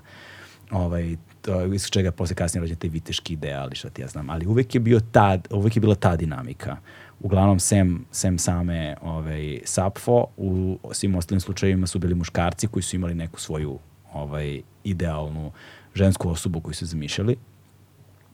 Ovde je obrnut proces.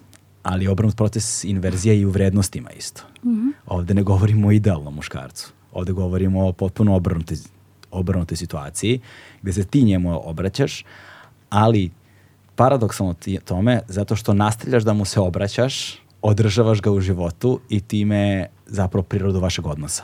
Jeste. I kad bi ja prestala pisati, u stvari Omer nikad ne bi postojao. Omer to bi ja posto... njemu ne bi postojao, da, da. znači to ja njemu stalno objašnjavam. Ali se taj proces nikada ne završava. Jeste, da. Znaš, to mi je, uh, to, i, uh, ali sad, znaš, možda ja grešim, znaš, ovaj, uh, ali to mi opet deluje i da to ima jednu svoju funkciju a, da tu ima isto nekog, ne, ne bih nazvao aktivizmom, ali u nedostatku bolje reči, ovaj, trenutno, zato što čini mi se da na taj način kao da prebacivanjem dela nekakvog balasta odgovornosti u odnosu ili u nekim svojim iskustvima ili u čemu god, ovaj, ti zapravo s jedne strane vent, ono, ventiliraš, prazniš jedan deo sebe, ali i oslobađaš sebe. Znači kao da je jedan vid uh, ono, osnaživanja i oslobađanja od nekih stega, da li će to da budu, ne znam, patrijarhalne stege, da li će to da budu neke rodno zasnovane stege, da li će to da budu nekakvi stereotipi iz ono muško-ženskih odnosa, iz tih ono kao i, ta, i tako dalje. Ove, ovaj, da, na, da, da, da jednostavno prosto priroda onoga kada se pročita nekoliko tih počinje da se javlja jasna dinamika vašeg odnosa. Pa mm -hmm. me mhm. sad zanima da li to ima utemeljenje neku stvarnosti ili sam ja to se izmaštao. Pa može da bude što god, zato što u stvari Omer u stvari nikad nije definisan. Ja njega nikad nisam definisala. Jesi ga nekad naslikala? Nisam. znači, postoji nisam. sam u pisanoj formi. Yes, da, I, i, i to je ta ljepota toga, zato što u pisanoj formi on je tad onako najbitniji. Mm. Mm. Tako da u stvari nemam konačan rezultat Omera, zato što ja ne znam da li će Omer ikad prestati da bude Omer, da li će ja ikad prestati da pišem, možda, kad budem završila tu autobiografiju, ali ne vjerujem da će se to ikad moći tek tako lako završiti. Možda jel? neće nikad završiti ni tu autobiografiju kad si počela da je pišeš. Pa ima jedno pet godina. Opa, znači pet godina ima si, dokle si stigla? Pa evo, mislim, niš, ne znam ni šta sam zadnji put postavila na Instagramu koje je pismo. Ali sve, ali al cela, celokupna autobiografija u pismima? Da. Mm. Je li imaš nekakav ono rok kada planiraš to da završiš ili? Pa ne znam, mislila sam da u stvari to budu kao ne znam, kao u, u fazama, mm -hmm. ne, kako se to kaže, u stvari u nekim etapama, da. etapama da. u stvari da bude e, autobiografija 1, 2, 3, mm -hmm. da u mhm. stvari do, sad do 30 i do 35. recimo da završim prvu autobiografiju, pa onda nekad do 50. pa onda... Drugu autobiografiju. To u stvari kod, kod imaš tri najbitnije ideje u životu, ovu, kako ide, prije, uh, poslije rođenja, kad, kad ti roditelji umru i onda ovu prije smrti. Aha.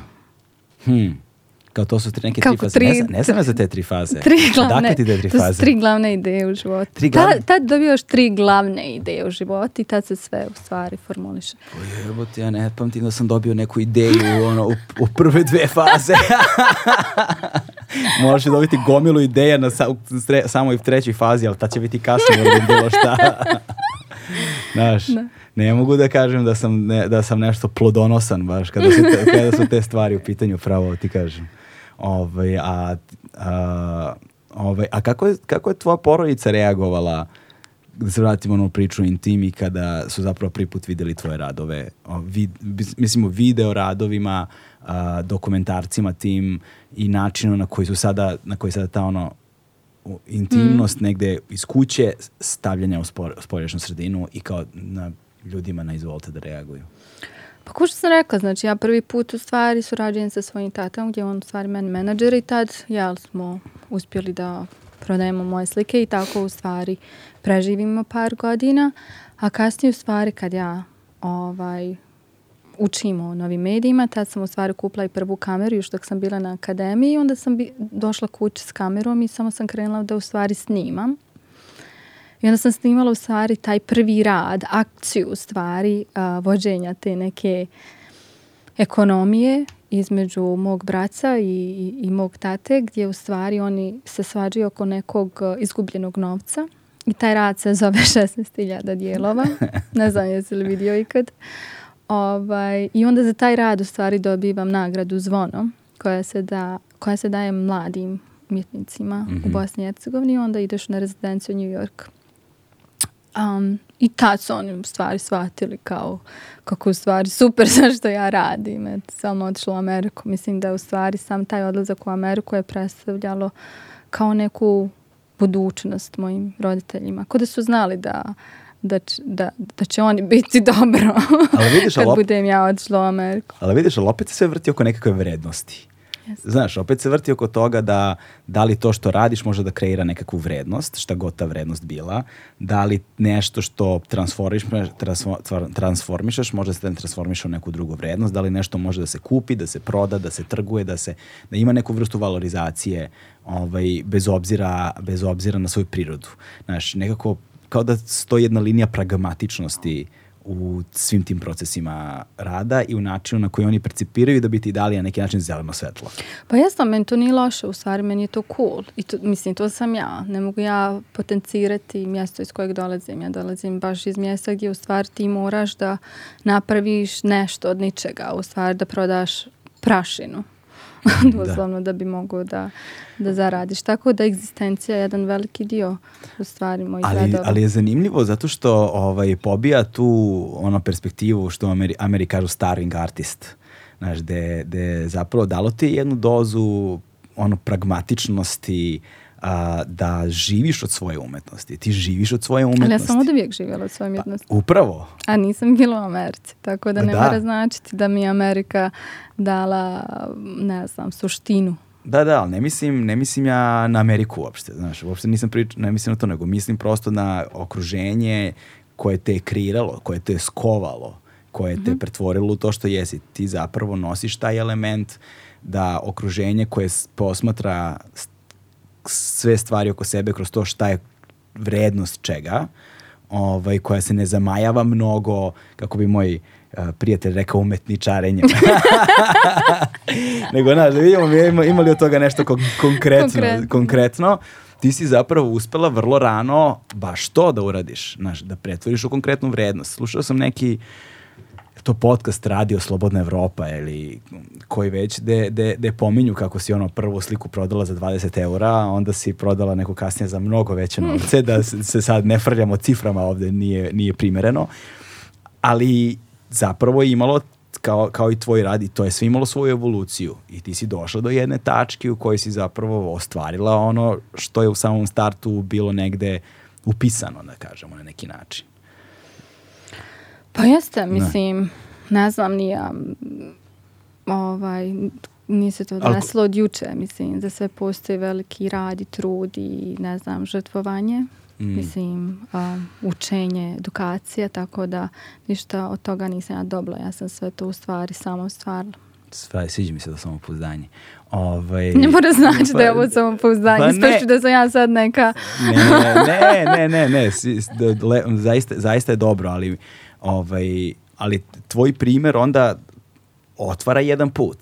Zna, čini mi se da razgovarao sam ja sa dosta umetnika ovaj, a, ovde i nije to uvek slučaj. Znaš, obično Znaš, obično se to, obično se realizacija određenih projekata svodi na fondove to je, to je najčešći slučaj, znaš, to je najčešći slučaj i najčešći slučaj je da u velikoj ime najčešći slučaj je da se oslanja to da se, se usavršili za pisanje nekih grantova ili da učestvuju u određenim projektima tog tipa, koji nije nužno profitabilan, koji nije nužno, a čini mi se da je negde za umetnost strahovito važno da, da, da s jedne strane ima utemeljenje u stvarnosti, jer stvarnost te čini tržišno relevantnom, a onda to znači da imaš negde puls ruku na pulsu publike, uh -hmm. a, prave publike, stvarne publike. Ovaj, I da onda spajaš najbolje od dva sveta, da umetnost i zapravo taj finansijski deo mogu da idu ruku pod ruku. Mislim, oni moraju, jednostavno, mislim, ja želim radim svog rada, o, pa da. jednostavno taj dio, jel, financiranje je vrlo bitan da bih ja mogla da opstanem i da mogu da uradim projekte koje ja radim. Ovaj, tako da, Ne znam, mislim... Jel imaš nekoga ko te zastupa? Pa imam galeriju. Da, ne. Da. gde? U Budimpešti. Aha, i kako izgleda saradnja sa njima? Pa izgleda ok, mislim, ta saradnja to, mislim, to nije odjednom, to je trebalo dosta godina da se to usavrši, a s druge strane sve te izložbe koje sam imala su u stvari dovele do toga da ja sad imam tržište za svoj rad. Um, tako da nije to glavni karakter, niti činjenicama umjetnosti. Mislim no, da, da, je, da mi je vrlo važno mi je to da moja umjetnost ima taj neki proces i transformaciju da se nešto dešava i da ja nekako i dalje mogu da radim radove koji imaju neki progres, da nisam statična. Mhm. Znači mm. ja isto tako se ne zamaram uspjehom, znači apsolutno me, nikad nisam bila osoba koja je nešto sad jel, sumnjala u sebe i u svoj kvalitet, ali isto tako sam prispitivala sve što sam radila. To da sam ja uspješna ili nisam, jebi ga, da. pesi se, mislim šta ću, mislim ja sam imala sve kvalitete da budem niko i ništa, ali sam uspjela da uradim, da pretvorim, jel, u limunatu. Kad smo već Tako kod da, ne znam. Ovo, vrlo je zanimljivo zato što recimo, pošto ja, ja imam kao te socijalne mreže jel, koji su dio koji mora, moraš jednostavno to imaš i tako da dobivam jako puno poruka na dnevnom nivou, to je užasno puno, to su poruke koje ja znači ne znam više kako da odgovaram. Kako su to poruke? Razne, ne želim ni reći. Ovaj, s druge strane... Sad ja pokušam. sad, je, sad je pitanje, da li je strašnije ono što dobiješ ili ono što ja zamišljam. Čini mi se da uvek strašnije ono što najbolje da zamišljam. Najbolje da zamišljaš, to ti je najbolje. Uglavnom, okay. uglavnom, najbolji komentar koji sam ja dobila za svoj uspjeh i razlog zbog kojeg sam ja uspješna jeste taj, jer poslije ove izložbe u Njurku i poslije ovaj, kolekcije u Hamburge Bahnhof u Berlinu i još par, dobila sam u stvari kao ne, komentar da sam ja uspješna zato što su moji roditelji jako bogati. I ja kažem tom svom babi, kaže babo, pa ja sam ti ja uvijek rekao da sam ja najbogatiji čovjek, tako da mi je to u stvari najbolji komentar Ikar. U stvari, to je moj najveći uspjeh, da, da, su, da su uspjeli ljudi, ljudi da povjeruju u stvari da je moj, jel, otac bogat. Sa tradicijom dugom skoro tri decenije, Legend Worldwide je prepoznatljiv domaći brend sa akcentom na jeans, pre svega, koji odlikuju bezvremenski, klasični modeli. Boga čovjek. Da. Kako je prošla izložba? Koje, kada je bila izložba u Njorku? Mm, pri par godina, ne mogu se sjetiti. Mm -hmm. Ovaj, a, kako je... Ka, kako, kako je, kakve su reakcije bile na... Gde je bilo za početak izložbu u Njorku? U Agnes B. galeriji nemam pojma gde je ta galerija. Ali dobro, možda ljudi znaju. Ove, kako je to prošlo? Pa bilo je super, mislim to je moja prva samostalna izložba u Njurku, to je bilo davno, pri par godina, tad sam bila, ja mislim, na druge godini hmm. a, mastera. I super, mislim, to je ono poslije, poslije Bosne i Budimpešte i Evrope, ono super stvar da, da imaš da. izložbu u Njorku. Tako da je meni bilo vrlo bitno. Mm. Kada govorimo o tom procesu sumnje ovaj, i preispitivanja, da li se tim procesom vraćaš ono hodom unazad na stvari koje si prethodno radila sa idejom da ih možda ponovo transformišeš ili sa ili da ti se menja pogled na ono što si radila i da ih razumeš na drugi način? Pa nekad kad, kad iskreno, ovaj, razmislim o svom radu i o nekim starim radovima, razmišljam o tome kako sam super razmišljala u to vrijeme sa sa toliko malo godina. Mm. Tako da sam onako nekad stvarno ponosna na te neke prve radove. A s druge strane, imam te neke ideje koje su, jel, krenule, ne znam, prije par godina, prije 5-10 godina i one i, i danas vrijede i danas su one dobre, ali su mnogo bolje zato što ih sagledam i sad iz ove pozicije, iz pozicije gdje, gdje ja mnogo bolje razumijem u stvari šta ja to želim. Mm. Tako da ovaj... Znači na neki način je tvoj cilj ostao isti. Pa nije Sikoš, isti. Ne cilj, nego... Nije isti, nego ovaj, u stvari sagledaš činjenicu i suštinu svog rada sa, sa druge perspektive i sagledaš u stvari da su neke stvari stvarno bile dobre, iako se tad u to vrijeme sumnjao u sebe, a s druge strane iskorištavaš jel, tu neku ideju koju, za koju si mislio da nije dobra. Ona je sad dobra zato što je gledaš iz ove perspektive. Iz perspektive gdje ja sad znam u stvari šta ja to želim da uradim. Hmm, ali ideje isto tako, zanimljivo je druš, d, uh, mi sad recimo živimo u vrlo brzom i promenljivom vremenu.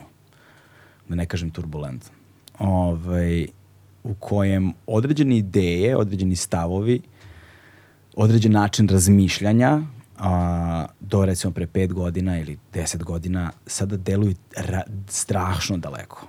Vrlo često i primitivno. Ovaj, a onda je zanimljivo posmatrati kako se te ideje koje imamo i način na koji vidimo stvari ovaj, odražavaju kroz te promene kroz vreme ovaj, ti naravno kao sazrevaš, odrastaš kao osoba u na, različitim smerovima u životu, kao što kažeš ti sama super pozicije, znaš, i svojih identiteta i svega. Ali čini mi se da u tvom radu su bez obzira na sve te promene neke univerzalne tačke ostale nepromenljive, da su one tu, znaš. Ali isto tako ovaj, je identitet jedna vrlo fluidna kategorija A, I recimo ja kad posnačam sebe i sobstveni identitet s kojim imam problema kako hoćeš, ja nisam razrešio. Htjela o... sam da te pitam otkud ti ovdje. da, da, da, da. da. Ja, taj, ja, taj, ja ta pitanja nisam ni najmanje razrešio. Ja sam u permanent, ja sam kao nekom lupu ono, za, zarobljen i ne mogu uopšte da razrešim brojne stvari. Nešto mora da se desi. Uh, ovaj, nemam umetničkog dara da artikulišem to pa onda ovako ventiliram kroz razgovore s ljudima koji jesu na neki način.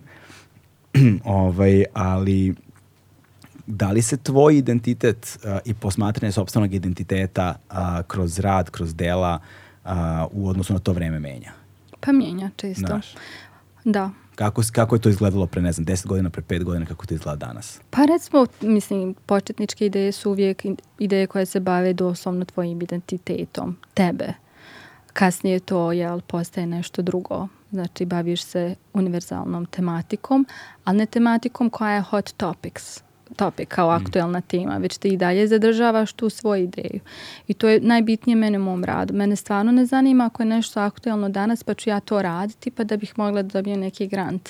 Već i dalje ja radim ono što sam jel, mm. htjela da, da radim, ali nekako ovaj, uz razumijevanje šta, se, šta je danas, šta se da. dešava da. danas. Da, a onda te, a onda te trendovi povremeno potrefe. E, onda da, da. pa jes, znaš, zato što oni idu talasima. Znaš, ti kad da. radiš svoje kontinuirano, ono ide jednom linijom. Yes. Trendovi idu gore, dole i onda yes. dođe, desi se s vremena na vreme to preklapanje. Kad su yes. jednom društvene okolnosti poklope tako da te sada jednom svi prepoznaju yes. i svi se hvale, Bog zna kako, a ti si fazonu čekala, ja sam ovde stajala 15 godina, sam yes. stajala na isto mesto, radila istu stvar. Onda yes. taj trend prođe, i odjednom si fazonu čekaj gde ste sad svi nestali, yes, yes, ja i dalje radim jedno te isto. Znaš, ka, da li to utiče a, mislim, očigledno utiče na tvoj rad, ali da li, da, li, da li ti to daje jednu drugačiju vrstu perspektive a, a, ono, sebe, svog rada, pozicije i o svetu umetnosti uopšte? Pa da, u stvari, ne znam, ja sam uvijek uh, onako bila vrlo svjesna sebe, svog identiteta, da. tako da ja nikad nisam imala problem s time, a s druge strane ja nikad nisam bila osoba koja je jel, sad bila uspješna, sutra nije bila uspješna. Ja sam uvijek imala taj neki uh, ono, znači, ne znam, uvijek, uvijek se nešto dobro dešavalo. Znači, nisam sada ono kao, aha, ja ću sad za 15 godina da uspijem, nego sam ja stvarno radila. Znači, uvijek sam imala izložbe, znači, to je svakih, ne znam, dvije, tri godine se sprema neka velika izložba i ne znam, mm.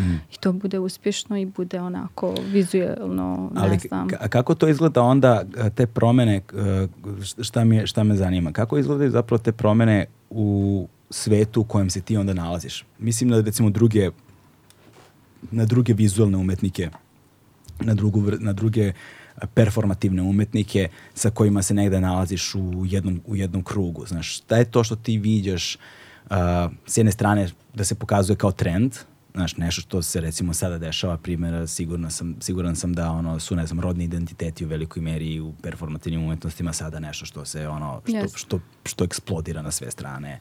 Poezija, isto tako, ovaj, ovaj, da. Znaš, ka... Mislim, to je vrlo, bude vrlo slično I, i, budu ti neki slični isti i skoro da, radovi. Da, to, šta, šta je to što ti vidiš i kako, kako, kako, kako se tvo, ono što ti radiš pokazuje kao gledalo u odnosu, u odnosu na te stvari. Znaš, kako, kako kontrastno ono izgleda. Znaš, kako pa izgleda... vrlo je kontrastno u stvari. Ja mislim da to publika najbolje zna. Mislim, ne mogu ja sad da kažem da li je moj rad bolji od nekog pa, rada. Ja da, nisam ne mislim, tu da to... Ne mislim u kontekstu vrednosti, nego me zanima ovako, znaš, u, u, u, vizualnom smislu. Vizualnom pa smislu. vrlo različito. Znači, vrlo je to, mislim, ponekad bude to slično, jel? Mm. A nekad je vrlo onako dosta različito. Mislim, ja imam svoj, tačno svoj cilj. Ja znam šta ja želim, čime se bavim i šta radim. Mislim, ne znam, u stvari, to je vrlo onako dualno sve. Znači, ne, ne, nemaš odgovor na to. Mm. Znači, sve zavisi od publike, sve zavisi kako publika to gleda. Jel Možda rad... moj rad nije vizualno dovoljno, uh, ne znam, senzibilan nekom. Jel radiš sa studentima? Za sada ne, predavala sam kad sam bila u Americi. Kako je to izgledalo iskustvo predavanja? Tad sam dobila ovaj naziv jaštice. Stvarno? Da. Čekaj, molim te, zašto? Šta se to desilo?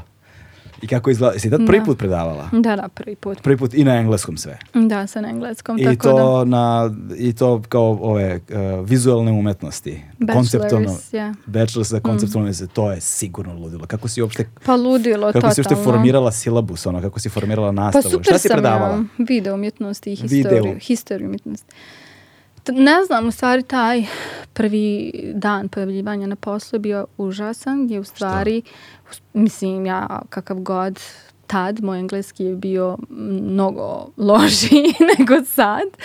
Ovaj, taj neki jaki akcenat.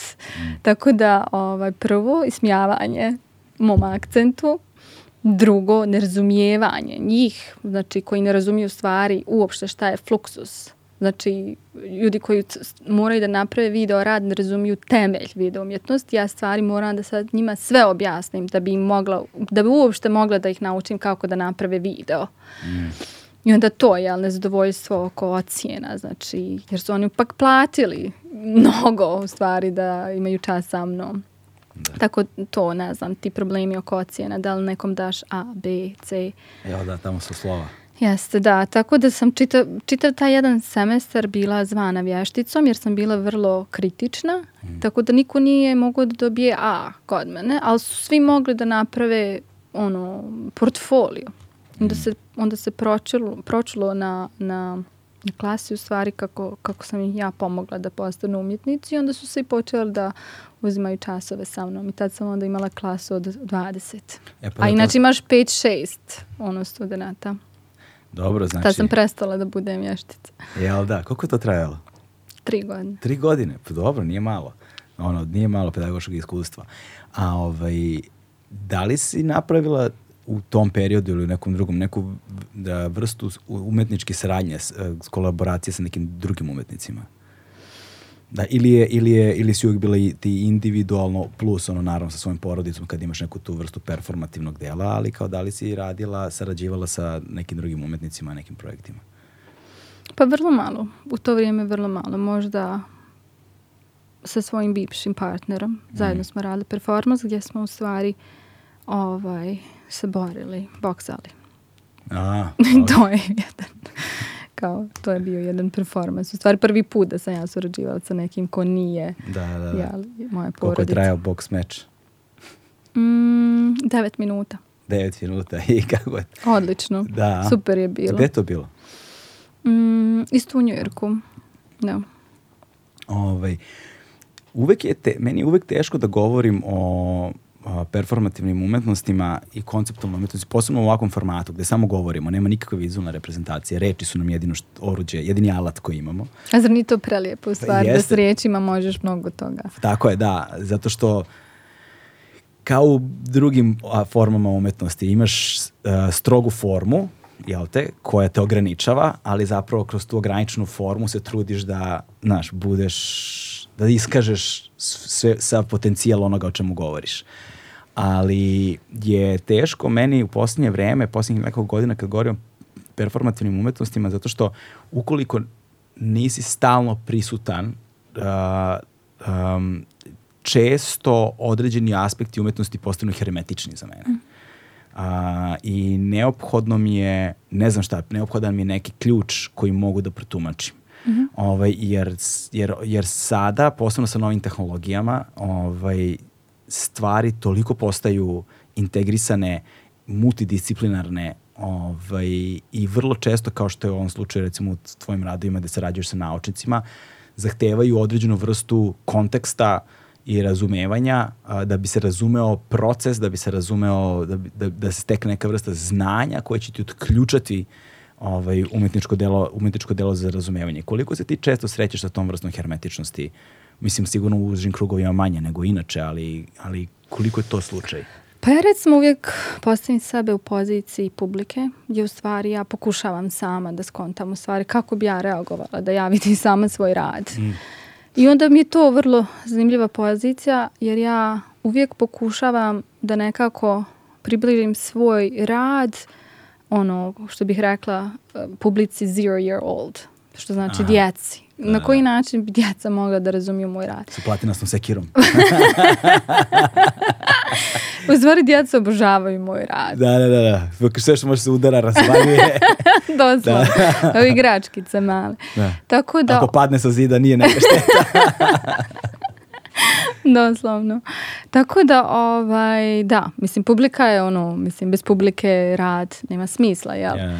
Tako da mi je publika vrlo bitna i ja sam vrlo precizna u stvari da publika koja dođe na neki, na neki način razumije ono što radim ako ga ne razumije, barem osjeti. Tako mhm. da ja mislim da koliko toliko, barem u ovom kontekstu ja pričam o sebi u svojim radovima, ja mogu nekako da se približim svojoj publici. Da, da, da. Ta vrsta univerzalnosti je zaista značajna i uvek mi je zanimljivo i to Dakle, postoji ta recepcija umetnosti često u kojoj kada nemaš konkretno znanje a, ili ne razumeš do kraja, ipak imaš na neki način emocionalnu reakciju. Što je isto čudna stvar, čudan fenomen kao reagujem na nešto, a ne znam zašto. I onda moram da razumem tu svoju reakciju. Ovaj, to obično zahteva neko vreme introspekcije i, i najčešće se takvim radovima onda vraćam iznova zato što ne znam šta gledam, zato što ne znam šta je to u, u, u šta me uvlači, na koji način učestvujem i na koji način utiče na mene. Ovaj, to, to ume da bude ovaj, to ume da bude dosta, to ume da bude dosta, dosta zanimljivo, ali i frustrirajuće. Znaš, zato što meni, meni, ja sam čovjek kome smeta ta vrsta hermetičnosti vrlo često, znaš, ovaj, i onda me to udaljava, mm probam da ignorišem i pravim se lud da nisam video, ili što većina ljudi radi, ono, ovaj, poništava da to ima umetničku vrednost. Mm, prispitivanje, a, da. A s druge strane, umetnost je toliko dostupna danas, mm. ovaj, razumljiva Mislim, umjetnost prije nikad bi, nije bila dostupna svima. Ono je bilo, znači, predviđena samo jel, bogatim ljudima, boža ljudima, ne znam, crkvi. Da, Tako ali da. s druge strane, ovaj, ima i ta inflacija, jel te, kroz ono, društvene mreže, znaš, kroz društvene mreže, kroz tu vrstu ono, algoritama koji te vode kroz stvari. Ovaj, I vidim da se, da se, da se sa ubrzavanjem trendova, brzavanjem smjenjivanja trendova, menja odnos prema formi i sadržini. Dakle, odnos forme i sadržine se menja i čini mi se da forma preuzima za, i pre, preuzima dominantnu poziciju zato što sadržaj sam unutar forme iziskuje vreme. Mm -hmm. Vreme za proučavanje. Znači, jedna stvar je ploviti po površini, ali druga stvar je potpuno roniti po dubini. Uh, I, ovaj, I to širina zamaha i dubina zarona. I čini mi se da ta širina zamaha, a, te stilovske odrednice, jel te forme, one se sve brže smenjuju i ne ostaje mnogo vremena za tu, za, za tu sadržinu. I pa isto kao moda, znači umjetnost i moda u stvari su veoma slične. Korespondiraju na Jest, taj način, da. da. Iako, iako ova umjetnost je mnogo sporija recimo ti novi mediji koji se jel, pojavili u Americi, kasnije u Evropi, u Evropi su došli tek kasnije. Da, Globalno to. da, bez obzira, ali opet je problem i sa tom, uh, sa odnosom subjekta u, i, uh, i, i, i unutar to je tog, tog odnosa sadržine i forme, gde zapravo subjekat postaje vrlo često bezimen. Uh, mm -hmm. gde zapravo mi sada i kroz, ono, kroz društvene mreže, kroz medije imamo priliku da konzumiramo brojne stvari ne znajući uopšte ko je umetnik. Mm -hmm. Što sada opet je vrlo zanimljivo kontekstualizuje način posmatranja umetnosti. S jedne strane imaš taj ono, eliminišeći e, umetnika dobiješ jednu verziju umetnosti, a onda sa da, dodavanjem umetnika dobiješ jednu drugu dimenziju te iste umetnosti i ne mogu da odredim da li je jedno i drugo dobro ili loše. Znaš, uh, mogu da nađem mane jednom, ali mogu da nađem i ogromne prednosti i u jednom i u drugom. Mm -hmm. Ne znam kako tebi to deluje. Pa ne znam, meni je u stvari, ne, ja stvarno nemam problem s time, da, nekako da, da. mi je ok da razumijem možda zato što ja dolazim iz tog konteksta da mogu da razumijem obe verzije, mm. ovaj, a to da u stvari je forma dominirala, to je već, već dugo tako. Da. Mislim, to se prvo desilo u Americi da je forma ono bitnija od suštine. Uh, a sad je jeli kod nas, mislim, jel, mislim na zapadu je vrlo, forma ta vrlo, vrlo bitna načina koji to izgleda, kako to, da li je to dominantno, koliko vizuelno dobro može da privuče publiku, koliko je to onako medijski pokriveno, ne znam koliko se često pojavljuje na, na Instagramu, tako da u stvari Pa to, Instagramu zavisi šta lajkuješ, a medijski slabo da je bilo šta pokriveno. Bare mi Kako ovde nije? Ovde, Ovde, ovde, Aha, ovde, ja sam, se, da. ja, ja...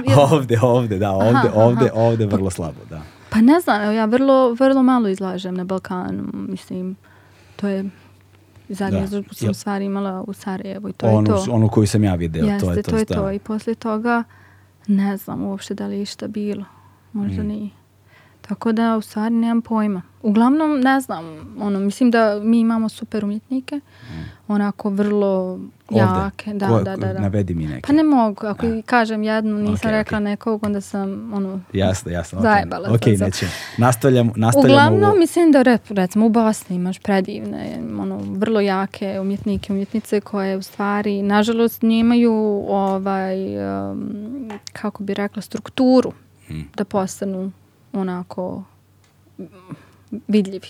Da. Jer da. kod nam stvari ne postoji taj market, nego ga sam stvaraš. Niti sam ja živjela kad je u stvari postoje market, već sam nekako uspjela da ga napravim sama za sebe.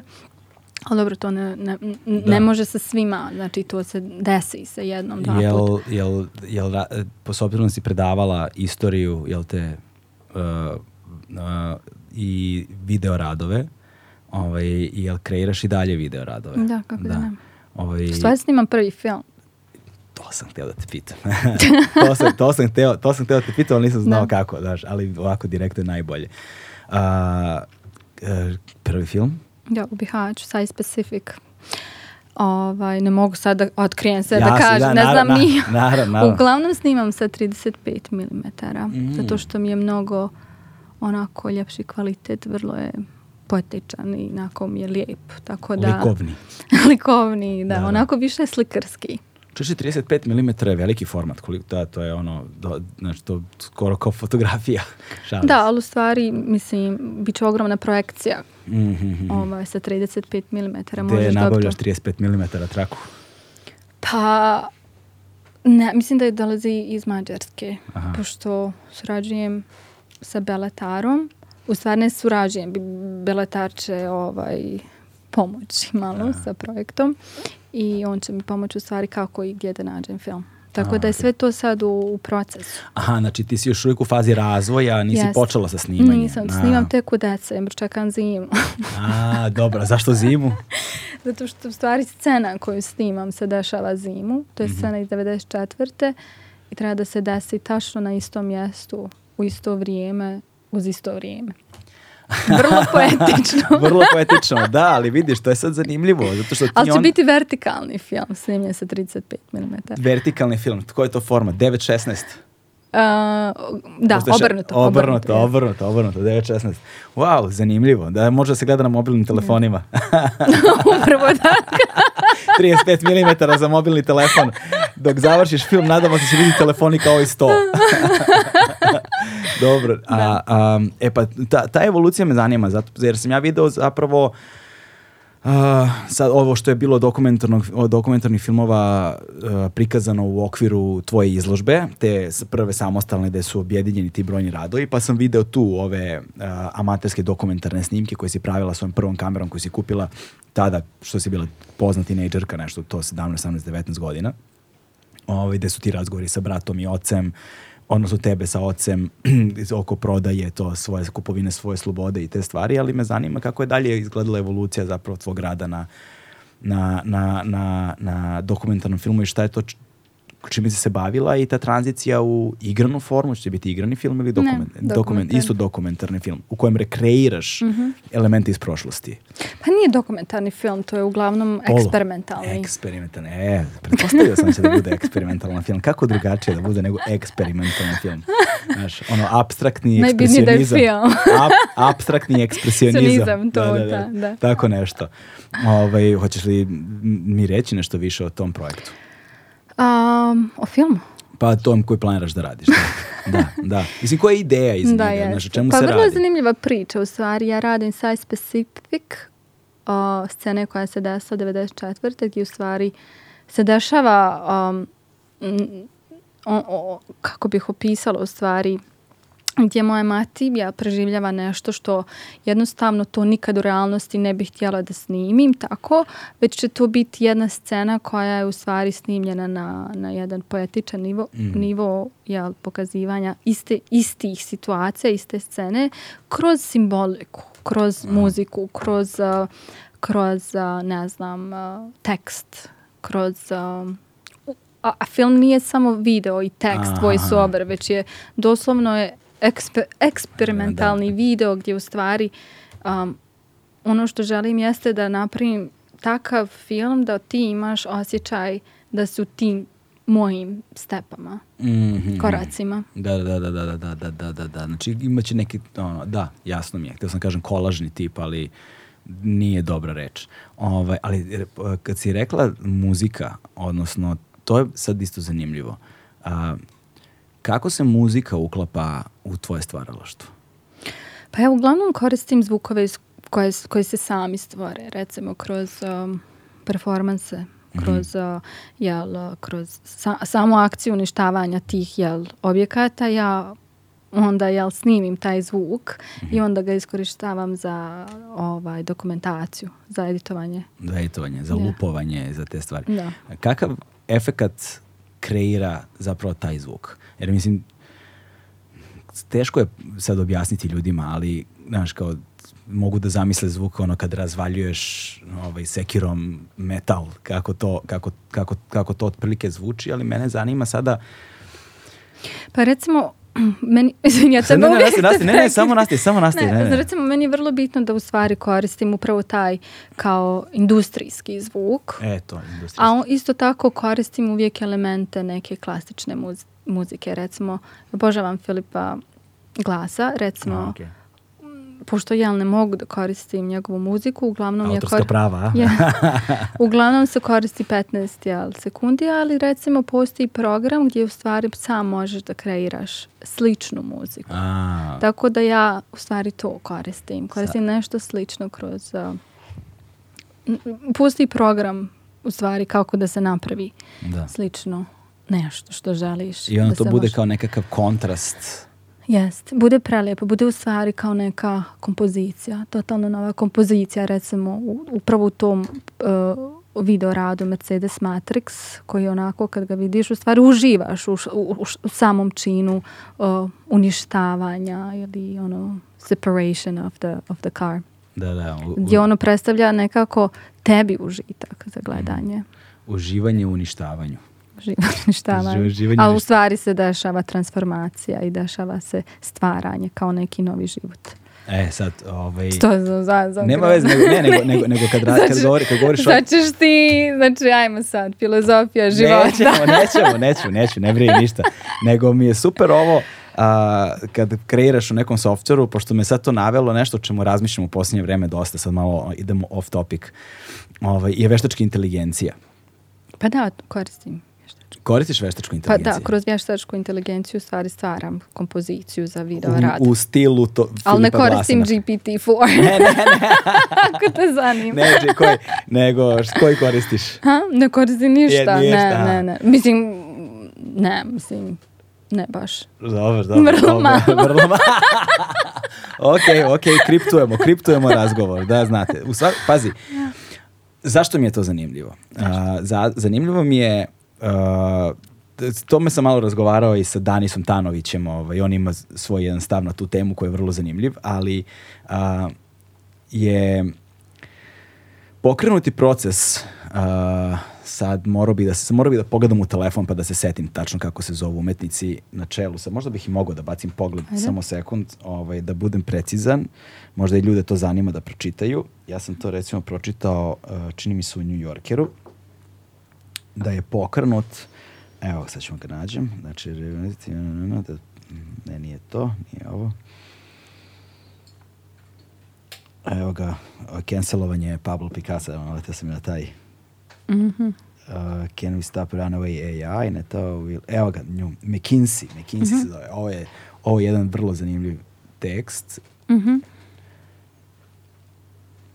ovaj, koji govori, dakle, koji, go, koji govori sad da, te, da, te, da ne bi davio je Dobro. time. A, a, dakle, pokrenute trenutno McKinsey je konkretno taj jedan umetnik a, koji je na čelu e, grupe, skupine umetnika a, koji su primetili u jednoj fazi, u jednom trenutku su primetili da se pojavljuju radovi koji su inspirisani njima. I to im je bilo super zanimljivo i simpatično. Ovaj, onda su vremenom počeli da primećuju da su ti radovi bili su rudimentalni onako, znači samo su elementima, nekim osnovnim elementima podsjećali na njihov stil. Mhm. Mm vremenom su počeli da se pojavljuju sve kompleksniji, složeniji, bolji, kvalitetniji, detaljniji radovi koji su strahovito podsjećali na nešto što bi oni napravili. I u jednom trenutku su radovi počeli da se pojavljuju takvi da oni apsolutno više nisu mogli da razluče uh, Šta je original? šta je original, šta nije. Jedino su znali po tome što prepoznaju ovo nisam radio.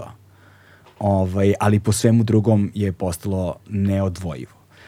I onda su se oni formirali u zajednicu koja sada nešto u, u američkom pravosuđu pokušavaju jel te da isteraju na, na iste, isteraju do kraja, a to je da li stil može da se patentira. Da li stil može da bude ovaj zaštićen određenim zakonskim odredbama kao znači kao što su ono kao što su autorska prava u muzici, aranžerska, kompozitorska, interpretatorska, ne znam, tekstopisci ovo ono, kao što su određena likovna dela, ali konkretno dela, jel te su zaštićena, ovo ostalo su sve kopije tu je NFT posebna kategorija, ali je pitanje ovaj, da li stil može da se zaštiti i na koji način uh, veštačka inteligencija da li ugrožava ili ne ugrožava uopšte umetnike i njihovo stvaralaštvo.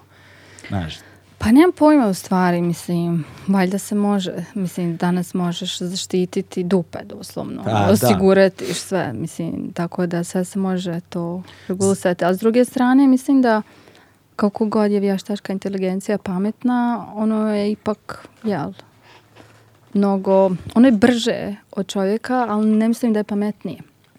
Pa da.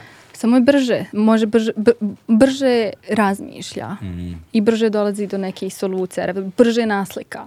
Znači, da, da, te, da, tehnički da, da, proces tehnički kreiranja. Da, da, da.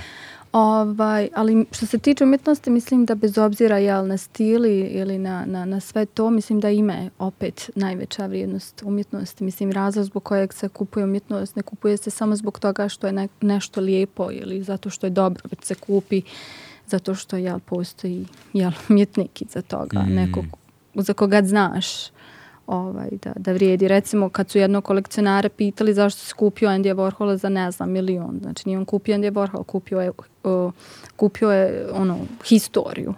Znači, kupio je deo istorije, jest. da.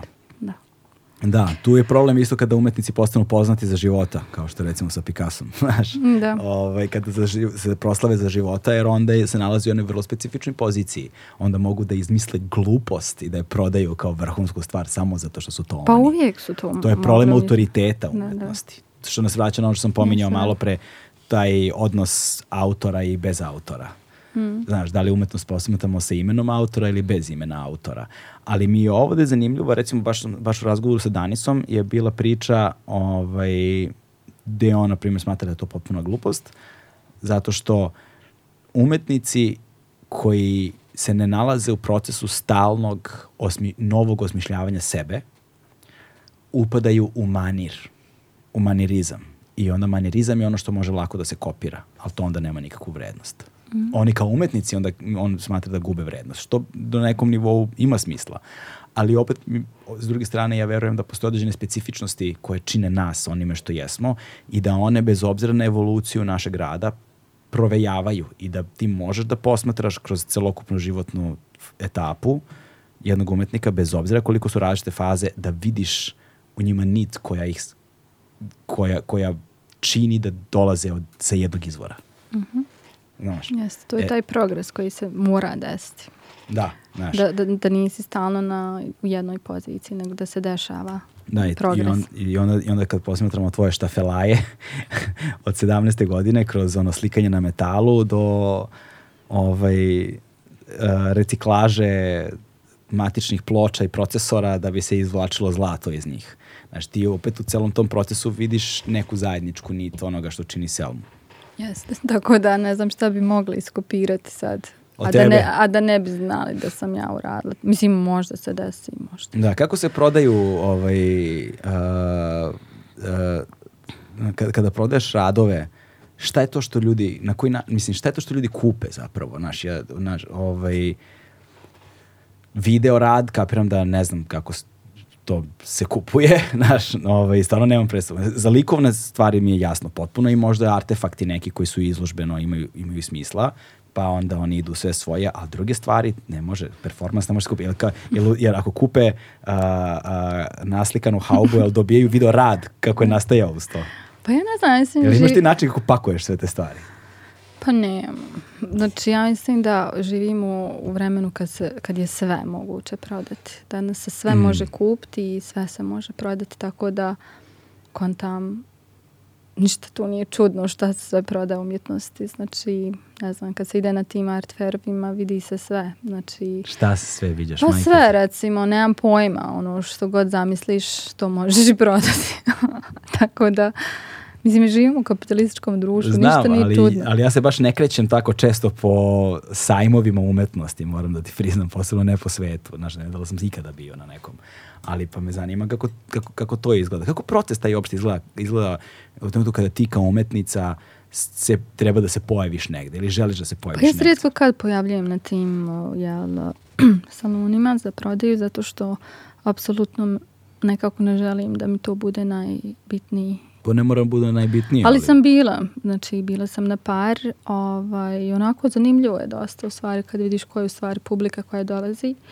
I to su svi oni ljudi koje vidiš na Instagramu, tako te neke poznate ličnosti koje vidiš samo na tim art fairovima koji onako posmatraju tvoj rad i zapisuju mm. šta, šta bi mogli kupiti, šta ne bi. Tako da, ne znam, bude onako malo, malo surrealno u stvari i ali s druge strane dobro, jer onda sva, shvatiš kako jel, ipak postoji neka šansa.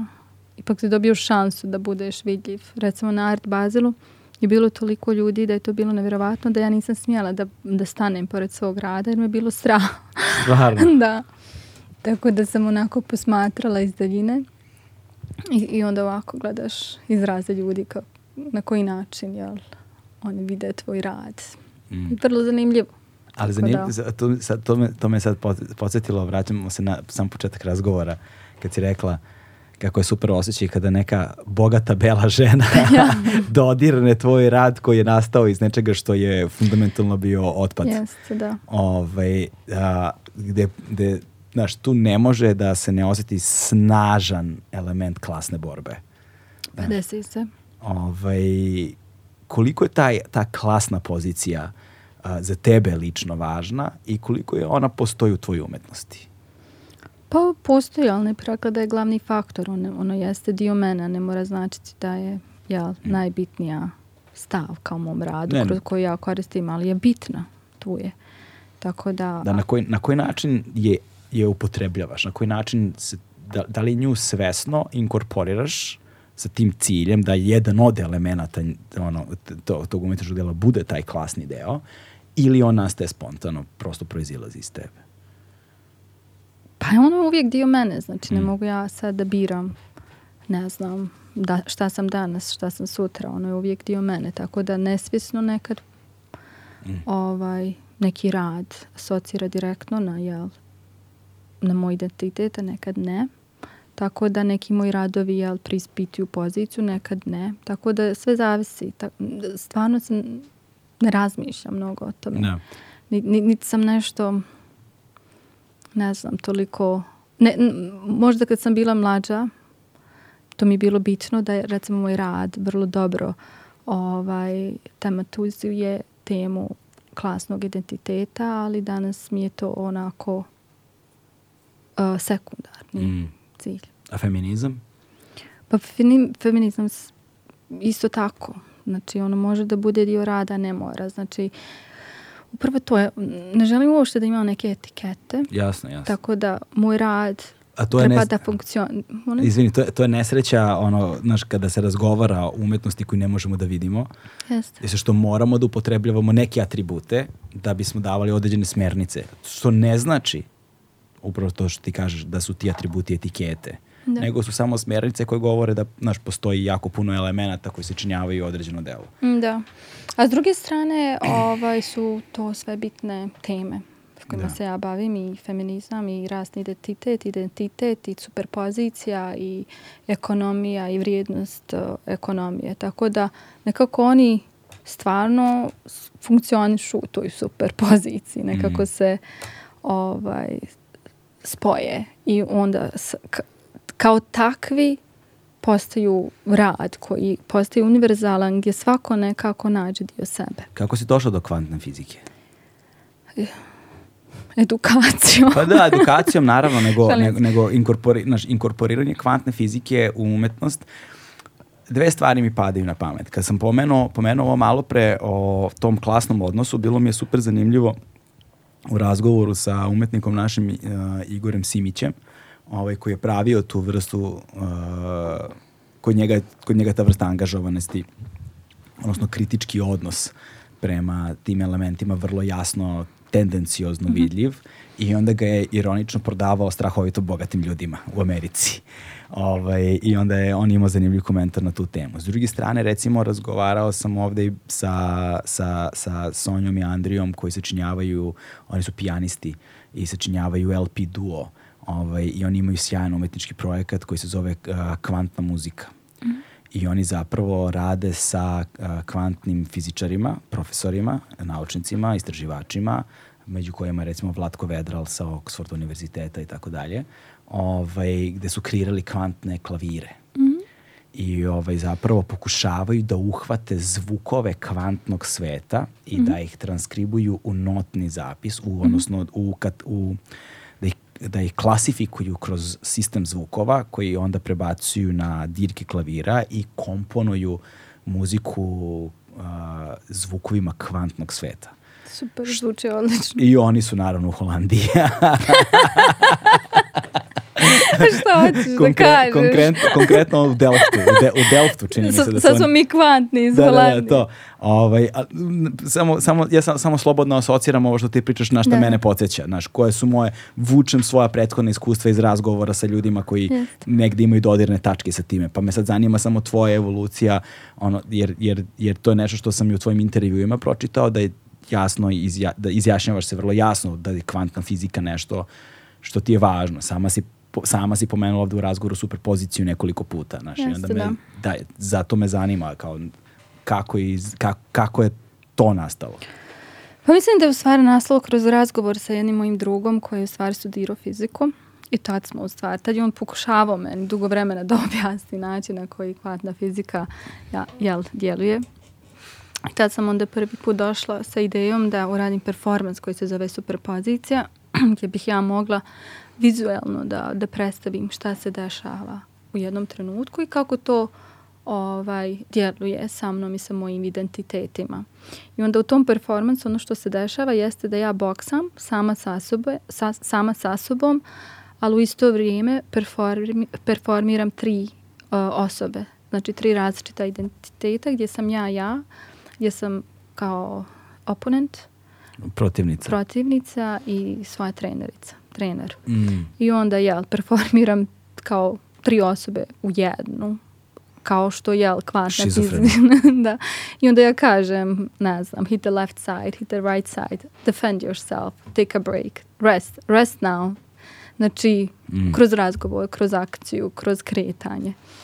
Dobro. Eto, recimo, to je prvi način moj kroz, ne znam, razumljivanje kvantne fizike, znači, kroz uh, performance. Aha, okej. Okay. Uh... I kasnije onda jel ja pokušavam da, da naslikam kao ta neka tijela koja se zovu superpositional intersectionalism gdje u stvari slikam ta tijela koja se transformišu jedno u drugo kroz uh, na dijelovima auta jer me isto tako vrlo um, zanima kao brzina brzina univerzuma, brzina auta, brzina kretanja, gdje, gdje ti u stvari nikad ne možeš u suštini da vidiš neku osobu onako tačno zbog te brzine, već ona uvijek djeluje kao nešto što je hibridno. I onda mi je to prelepo objašnjenje isto tako superpozicije i tih identiteta koji ne moraju da budu jedno, a isto tako oni ne moraju da imaju taj gender. Znači oni mm. mogu da budu hibridna tijela, fluidna. Da. Ovaj, da li si nekada razmišljala kad razmišljaš o identitetu, mm -hmm. um, pretpostavljam da to često radiš, ovaj, da li si, recimo stvar do koja mene ono, zbunjuje u tome, kada posmatraš identitet, uzmimo primer, recimo na našim prostorima ovde, ovim ovakvim bure baruta od Balkana, znači kojem, na, kojem, na kojem se nalazimo, iz daleka a, kad posmetaš identitete, granice deluju jasne. Znaš, ono, možeš kolokvijalno kažeš ovo ovde, ovo su, ne znam, nacionalne, etničke, e, rasne, verske, e, rodne, ovak, klasne, ovakve, onakve i kao negde to, negde to kao jasno, jasne su bordure, ono, jasni su negde obrisi tih granica. Ali kad probaš da zoomiraš, kako zoomiraš taj identitet i kako mu se približavaš sve više i više, shvataš da granica počinje da se rastapa, da se rastače. I što, si, što više zoomiraš tu granicu, ona postaje sve teže vidljiva, u jednom trenutku potpuno nestane.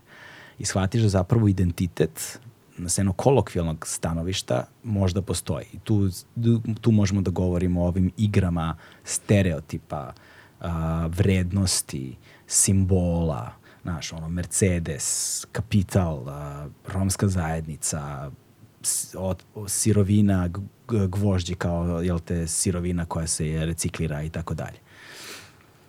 Ali kada ga zumiraš ta, te granice prestaju da postoje i vrlo često unutar tih identiteta se nalaze oprečne kategorije koje ne bi trebalo da budu zajedno, jer se identitet pokazuje kao strahovito iracionalna kategorija a, čoveka. I tu je ono gde se ja gubim. Znaš, mm -hmm. gde, gde, gde, shvatam da je bilo kakav bilo kakvo ustanovljivanje mog identiteta predstavlja određenu vrstu sidrišta koje onda na neki način odbacuje druge ili ih a, a, a čini mi se da ta fluidnost i permanentno stanje kretanja kroz te stvari jedino što ima smisla, ali time nemaš utemeljenje. Zato što ne možeš u praktici toliko lako u stvari da to odradiš. Mm. Zbog toga je i problem u stvari. Mislim, stereotipi su vrlo ozbiljan problem. Da. I samo pitanje, recimo, vrlo često dobivamo pitanje odakle si. Mislim, e, e možda da. i tebe pitaju odakle Non stop. si. Da. Onda moraš da objasniš u stvari kako jel, ipak si iz, i dolaziš jel, iz Bosne, ipak si druge nacionalnosti. Tako da, da nekim ljudima je to vrlo čudno. Ono što se dešava jeste da u stvari edukacija je najbitnija tu, da u stvari Tako. educiramo sebe same, a isto tako jedni druge, da se u školama u stvari uči, to je mm. najbitnije, to je funda fundamentalno znanje, kako u stvari identitet može da bude bilo šta i znači to može da bude mnogo toga, da nije uvijek linearno. Isto tako prihvate, prihvatanje drugih manjina, ako se to radi u, u Srbiji gdje je jel, najveća manjina su Romi, Da, verovatno, tako? verovatno, da. Tako da, o, pošto smo u Srbiji, ja sam ja. zaboravila da smo u Srbiji. da. ovaj, tako da ja. Ne, mi smo zapravo na internetu. mi smo svuda. Zašto ovo govorim? Govorim to zato što recimo um, riječ, inače ne volim da o ovome pričam, nekako mi je dosadno više, ali bi pošto ovo super prilika u stvari da kažem, jer će jako puno ljudi u stvari ovo vidjeti. Kako u stvari taj slang, cigani, ciganizacija, ciga, kako god, što god se još koristi, ovaj, i, po, i toliko normalno. Znači, ja svaki put kad dođem u, u Beograd ili bilo gdje u Srbiji, gdje god se okrenem, ja čujem, znači, riječ cigan. Bilo ono dobro, bilo ono loše, ono, ono, je, ono postaje kao, kao culture, kao da, da, da. to je, ne znam kako bi to objasnila. Ovaj, I ne znam kako da, da u stvari se to promije. Da li u stvari treba da se promijeni, jer nekim ljudima je to slatko. Znači, mm. da, znači nekad, jel, ti moji prijatelji s kojima ja sjedim, pijem kafu, oni nekad to da, da. pomenu i tad se dešava taj, taj neki ono, kao stid, kao ono, aha, I made mistake now, how do I, kako sad to, šta da, šta da uradiš u tom trenutku. I jako puno uh, puta mi se desilo da sam u društvu, ne znam, na nekom ozbiljnom sastanku i onda se spomene kao, jel, pa nećemo to kod cigan raditi. Da, da, da. I šta da. se radi u tom trenutku, znači ne, upravo sad radimo baš kod cigani zato što imate prisut, prisutne članove iste na sastanku, tako da mi je to vrlo zanimljivo kako u stvari, e, kako nacija postaje sleng u zemlji. Uh, ima jedan, ja, mislim da sam to pominjao već u nekom od prethodnih razgovora, izvinjavam se svima koji slušaju, u posljednje vreme se često ponavljam, to ide s godinama valjda. Um, uh, pisac, zove se Hanif Kureishi, ovaj, koji mi je dosta drag i je, jedan njegov roman a, uh, s početka 90. godina koji se zove Buddha from Suburbia, a, uh, jel te Buda iz predgrađa, um, a, govori to donekle je ono autobiografski roman zapravo, jer on je uh, iz Pakistana ovaj, i uh, i odrastao je u srednje, srednjoklasnom ili više srednja klasa ono predgrađa Londona koji je zapravo bio ono beo, jel te, i klasno drugačiji, u vremenu kada su masovno postojale takozvani kada su, kada su postali skinheads i kada je bilo ono, kada je bilo jako puno rasnih tenzija i sukoba. Mislim, ima ih sada na drugim nivoima, ali ovaj bukvalno i blatantni onaj, ovaj, agresivni fizički rasizam onaj na prvu loptu i onda je on ovo što ti govoriš imenovao i ta, ta, to ime mi se strašno sviđa. Zove se casual racism. Casual racism. Da, casual da, da, racism, da, da, znaš. Da, da. To su one reči... Uh, pozitivna diskriminacija čak. Pozitivna diskriminacija je nešto drugo, čini mm. mi se. To je ono kada te vole zbog toga što si drugačija. pa da, ali to isto, znači to je slatko. E, jel, ali kad ti nije ne... slatko, to je zapravo isto loše. Zato, pa š, zato što je to, jer tu, tu negiraju tvoj individualitet, negiraju tebe kao ličnost, jer ti onda postaješ to što oni vole znaš, ne, a ne ono što si ti zapravo kao osoba. Taj atribut onda opet nosiš sa sobom, bez obzira, znači, dalje je, iako je pozitivna, i dalje je diskriminacija. Mhm. Znaš, kao kad se zezamo, kad, kad se ja često zezam kako sam sebi s ovim poslom napravio zlatni kavez. Znaš, da ja svake nelje moram da budem pred mikrofonom i da živim od toga. Znaš, i onda s jedne strane, zlatni, ali kavez. Mm. Kavez, ali zlatni. Znaš, e to je ta, to je, to je ta varijanta. Tako dakle, da, afirmativna, odnosno pozitivna diskriminacija je to, znaš. Ovaj. S druge strane, a casual rasizam, uh, kako bi smo ga preveli na, na naše jezike, ono neki usputni rasizam, mm. tako nešto. To je nešto što je opšte prihvaćeno društveno i š, u šta se ne, i što je se negde uh, ukorenilo u jeziku, u, u, u dinamici društvenih odnosa i uh, na što se ne obraća pažnja. I samim tim što se ne obraća pažnja i za tih termina obično ne stoji nikakva namera. I zato mm kada adresiraš ljudima, je, to nije okej, okay, oni su fazonu, a brate, nisam mislio ništa loše. Znaš, kao, ili izvini, kao, nisam razmišljao o tebi, jer to je postalo nešto se po automatizmu radi. Jeste, da, samo. E, ali ono što oni ne uzimaju u obzir jeste da se na taj način a, potvrđuje stereotip čime se otežava a, oslobađanje uh, od njih. Na primer, stvar koju je meni prijatelj jedan ovaj, napomenuo, pošto ja ne pratim sport uopšte, ali a on je baš veliki sportski fan.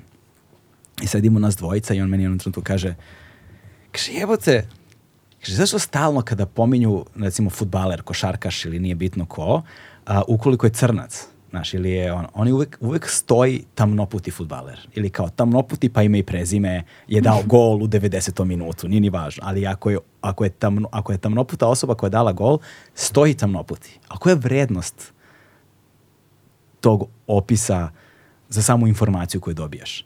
Kada pominješ bilo koje drugi igrače, ovaj, kad pominješ bele igrače, oni se nikad ne, nikad ne stoji beloputi mm -hmm. ili beli futbaler. To se podrazumeva Znaš, a ako nije beo, znači koja god da je druga rasa, onda se to nekako ističe. A sama stvar nema vrednost. Ali se u žargonu novi, sportskog novinarstva uvuklo. Mm -hmm. I prosto se tako govori. To je sad pa kao ne samo u, kolokvijalizam. U sportu, ja mislim da je to i u umjetnosti i u svuda. svuda. Tako da kao exceptional people. Da. da si ti ono kao, ne znam, specijalna osoba. Mm. Ja. Tako da. da. Ali za romsku zajednicu su se u, u, u, uvrežili, nažalost, mislim, nažalost, uopšte samo bilo kakve atributi, ali prosto stereotipi koji su negativni. Mm -hmm. I onda se ti negativni stereotipi prenose generacijski, kulturološki, to je kako to nazvao Dača, ovaj vampirolog, pa sam od njega to pokupio, kultu, kulturna kontaminacija. Mm. Dakle, imaš Ovaj... Ali nisu oni, če, mislim, oni su često negativni, nekad su i pozitivni. Upravo taj casual rasizam to super objašnjava, da u stvari mm. jel, ta konotacija može da bude vrlo pozitivna ako si ti recimo ovaj, lijep, ako mm. ne znam, si nešto pozitivno uradio, ne znam, ili zaradio, onda imaš konotaciju cigana. Da. Tako da ima neki pozitivni. Da, ima neki pozitivni. Zato, zato sam i ti rekao kada sam bio na tvojoj izložbi, to je bio jedan od prvih za mene lično. Dakle, ovde sada govorim intimno svom doživljaju. Ono što se meni strahovito svidelo u tvom radu jeste način na koji si ti samouvereno, razumeš, mm preuzela te stereotipe. Uzela ih, znaš, i ono, i to što je sazadano u tvoj identitet transformisala si ih. Pretvorila, dala si im vrednost, razumeš od koje ćeš ti lepo da staviš, ne znam, lovu u džep, nije važno, znaš, ali ta transformacija vrednosti, ali ne samo vrednosti kao u smislu kapitala, nego i kao socijalnog kapitala, ja. Da. društvene vrednosti, vrednosti u jeziku, vrednosti u interpretaciji tog jezika, vrednosti u tome da se zapravo postavi pitanje, znaš, dovodi se onaj koji posmatra u nelagodnu poziciju i kaže sebi kao čekaj zašto ja uživam u ovome? Šta je ono što prećutno što komunicira sa mnom? Što se nalazi u jeziku, što se nalazi u kulturi, što se nalazi u podneblju s kog dolazim. Zašto ja ovo razumem? Zato što razumem stereotip. Znaš? Mm -hmm. A zašto razumem stereotip? Zato što ga živim jako dugo, znaš. I, ovaj, i onda nekoga ko je spreman, neka osoba koja je spremna da promišlja to, može da dekonstruiše sama to u sobstvenom životu. I kao princip da uzme, kao krovni princip i da ga primeni na druge stvari. Ali nije lako videti. Znaš, e, to mi se svidilo što si ti nekako svojim delima učinila to vidljivim. Znaš, sad ja, sad ja ti rada, ja, ja volim, pričam ovde i do, do, došla si da ti ja interpretiram. Kao super. Sjećam se kad si mi poslao ovaj, pismo, koliko, to je ogromno, ovaj, kao kao na, tvoj način um, o, viđenja da. te izložbe. Prelijepo je u stvari. Da. Znači, slično ovako nešto si rekao. Mislim da je super i vrlo bitno. I bilo mi je drago u stvari da, da pročitam taj tekst koji si napisao. Da, super, hvala ovaj, ti. Za, ja, jedan od onih što, ovaj, što je uleteo, uleteo u inbox na, na Instagramu. Katastrofa. Da. Katastrofa. Da, ali s druge strane, upravo ovaj, da uradiš jel, nešto tako što znaš da vrlo lako može da bude klišej, mm. da bude nerazumljivo ili da postane nešto što nisi htio je veoma velik rizik. Znači, i svaki moj rad koji uradim, on, ono je u stvari isto jedan veliki rizik za mene. Ali sama činjenica da u stvari, ja ne znam kako, ali postoji ta neka forma koju koristim gdje u stvari napravi neki balans. Znači, možda ga ja sama sada nisam svjesna, ali ovaj, znam da ono postoji jer imam super, imam mnogo ljudi koji jel, mogu nekako da se da razumiju, ne samo da razumiju, da preispitaju ne znam, poziciju svoju, a isto tako da razumiju moju. Mm. Da, da. Ali... Tako kad bi, ja saznala, kad bi ja znala sve o svojim radovima, kad bi imala odgovor na svaka pitanja, kad bi ih ja sve razumjela, možda bih prestala jel, da preispitujem umjetnost kao takvu. Tako da ja nemam sve te odgovore, niti mislim da ih trebam imati sad, nekako sam i ja na početku. Ja nekad um, mislim da ljudi o stvari razmišljaju o meni kao o nekoj osobi koja ima karijeru od 50 godina. Znači ja imam, ja sam u stvari vrlo mlada osoba, znači ja, ja tek moram da uradim te radove, znači koji će biti mnogo bolji od ovih. Mm. Ne bih nužno nazvao boljim, ovaj, ali, ali to preispitivanje čini mi se da je, da je, da je važno. S jedne strane kreira dinamiku da radiš, ali s druge strane ovaj, umetnost živi sve dok daje odgovore i dok postavlja pitanja. Ovaj, I sve dok ima tu dimenziju, umetničko delo je živo. Onog trenutka kada um, se svi odgovori iscrpe iz jednog umetničkog dela, ono prestaje da bude umetničko delo. Da ne u penziju. pa to, to umetničko delo možda ide u penziju, stvaraš neko drugo, znaš, ali ono možda ide, znaš, to, to samo umetničko delo može da ide, može, može da ide u penziju. Pa ne znam, meni su rekli sad još sam treba da uradim neke dvije izložbe pa da odem u penziju. A, to, ali, ne. mislim, to je upravo taj kliše, ja toliko toga hoću da uradim, toliko je ti neki ideja, toliko je tih, ne znam, uh, ovaj, ciljeva. Tako da, ono, vr, jedva čekam da ja to sve stignem. Da, dobro, mislim, meni Hoću li stići? Ba, pa, steći ćeš, nije to problem. Super je kada imaš to što mnogi umetnici imaju, ja često to nemam recimo, to je, ja to nazivam voljni moment a to je da imaš reakciju na ideju koju imaš. Znaš koliko puta se meni desi, imam ideju, wow, kakva ideja, kao ujutro ću kad ustanem, pff, zaboravim do sutra, znaš, ili, ili, ovaj, ili, da, ili znaš, imam neku ideju, ali ta ideja zahteva da ja sad ustanem, iscimam se, nabavim šta mi treba, pozovem koji broj telefona, onda me to sve mrzi da uradim i samo izlapi vremenom. Pa dobro i to je ideja, mislim, to je ljenost, to je super. Isto, Le... to je super, ja, ja sam isto jako lijena nekad, znači ja sam isto nekad spora, mislim, to je Mladen Stilinović jako dobro rekao, znači ljenost kao rad. pa, ako je lenjost rad, ja, boga mi, naš, dobro funkcionišem u svemu tome, uspeo sam nekako da ono linijom manjeg otpora kreiram sebi poslovni model. Ali dovedem ljude i onda samo razgovaramo, ne moram ništa da radim. Znaš, ali to je neka teže, boga mi, mora ti priznam od svega, od svega, od svega ostalog. A šta o... radiš pored ovog što radiš, pored Jo. Pričanja. Pored pričanja? Ja, ja toliko pričam. ne, ostaje vre, ne ostaje vremena za druge stvari. Mnogo, ne ostaje mnogo vremena za druge stvari.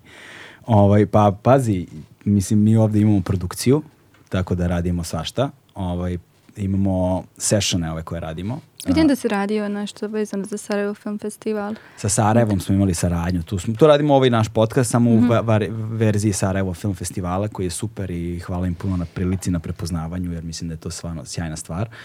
Jedini problem sa time je inflacija, zato što onda idu epizode svaki dan, ljudi ne prate svaki dan i onda veliki broj njih prođe ispod radara jer ih je jednostavno mnogo. Mm -hmm. Ovaj, ali bez obzira tu su pa vremenom dobijaju na nekoj pažnji. Ovaj, ali imamo svoju produkciju, pa radimo kao produkcija, izvršna produkcija i tako dalje. Ovaj, a, imamo Agela Session, gde se bavimo a, muzičkim sessionima, ovaj, muzičkim nastupima. Onda imamo a, sad smo pokrenuli projekat koji se zove New Balkan Cuisine, gastronomija. Sad smo snimili još, koliko smo epizoda snimili? 5, 6? Šest, polusezonu smo jedno snimili, šest epizoda mm -hmm. novih koje će sad od septembra početi mm -hmm. da se emituju ovde na našem kanalu. Onda imamo još jedan projekat koji nosi naziv uh, Tamo daleko, mm -hmm. uh, koji je do, kao neki dokumentarističke ono, razglednice, nazovimo ih, uh, koje se bave našim ljudima koji rade zanimljive stvari širom sveta, ovaj, ljudima sa ovih prostora. Uh, imamo još nek, neke stvari koje radimo ovako, tako da ima, znaš, ima, ima posla, nije, ali Mo, ali ja se trudim da ne radim ništa zaista. Da, Moj cilj je da ne radim ništa, ali mi nekako ne polazi za rukom. Znaš, to, tako da ima, ima, dosta, ima dosta toga. Super. Um, I pravo da ti kažem, porodica, to je negde najveći posao, verovatno, broj, broj jedan, znaš. To, da, tako da. da. Šta ti pored svoje umetnosti? ja pored svoje umetnosti. pored svoje umetnosti rada na univerzitetima Pa ne znam, u stvari... Sad kada si završila ovu u, u, u Amsterdamu, šta je sljedeći korak? Pa sad pripremam izložbu u, u Berlinu. Mm, okay. ovaj, jednu vrlo veliku izložbu u super muzeju ovaj, gdje ću raditi taj performans isto sa roditeljima. S, um, Kada će to da bude? Krajem oktobra ili početkom novembra ove godine. Ove godine, to da, bi bilo zanimljivo da, posjetiti. Da, super, bilo bi super da dođeš. Da, da, vid, da, da vidimo, ja, zapravo ja sam taj performance video samo na video, na filmu. Da, ovo će biti prvi put u stvari da radim performance, jel, tako veliki performance u Njemačkoj, tako da mi je zanimljiv kontekst Njemačke i, jel, i, to, i tih, jel, i tog performansa koji se isto bavi I tog njihovog neko... Pa ja, da. A isto tako ovaj, mjesto gdje se dešava performance je zanimljivo, to je jedan ogroman muzej, Gropius Bau, koji je jedan od najstarijih muzeja u, u Berlinu i on ima tako neku baroknu arhitekturu. Tako da u kontrastu sa mojim radom će biti vrlo onako, ne znam, interesantno. Wow, da. Ovaj, tako je pripremam to i još ovaj, parti nekih stvarčica. A boraviš, boravak, pošto ako ti je istekla, nije to rezidentura, šta je to bilo u Amsterdamu? na projektu. Što pa jeste kao neka. Rezidentura. Da, da, da. To da. ti je sad završeno, mm -hmm. tako? Pa sad ostajem u Amsterdamu. A ostaješ na Amsterdamu? Da, da. Aha, znači kao... Još malo, da. Još malo, znaš da Zato što da ova, razmišljala sam da li bi trebala da se vratim u New York, ali nekako mi se ne da. Ne da. mogu. Baš mi je onako, lijepo mi je u Evropi. Nisam nikad bila srećnija u životu. Zaista? da. Posjajno pa čoveče, to je odlično. To je, to je zaista da, odlično. Tako da ovaj, blizu mi je sve. Mm. Iz Amsterdama mogu gdje god. Sve je dva sata letom najviše. Da, u tako suštini. da ovaj, i Bosna mi je nekako blizu, tako da mi je bitno da, sam, da mogu i kući. A. Ovaj, ja kažem kući, mislim, ja imam neke tri, četiri baze, znači i dalje ovaj, New York, ta neka moja baza, Amsterdam, Bosna i vrlo često sam u Berlinu, tako da nekako da. spolažem kroz Kako, četiri grada. To mi je uvek zanimljivo u razgovoru sa ljudima koji žive ovaj, na više lokacije. Ljudi koji su po rezidenturama, koji su na projektima, koji su, kojima je posao, priroda onoga što rade takva i dinamična, da su često u pokretu i često menjaju mesto boravka. I nekako je moj prijatelj rekao davno kako selitba najviše podsjeća na smrt. Mhm. Jer zapravo ostavljaš ceo svoj život iza sebe i ideš na neko drugo mesto. Uh, I razmišljao sam o tome često i zaista ima, ja, jer ja sam pravi ono pacov iz kraja, znači ja sam s u Beogradu, ja se ne, ne mrdam nigde.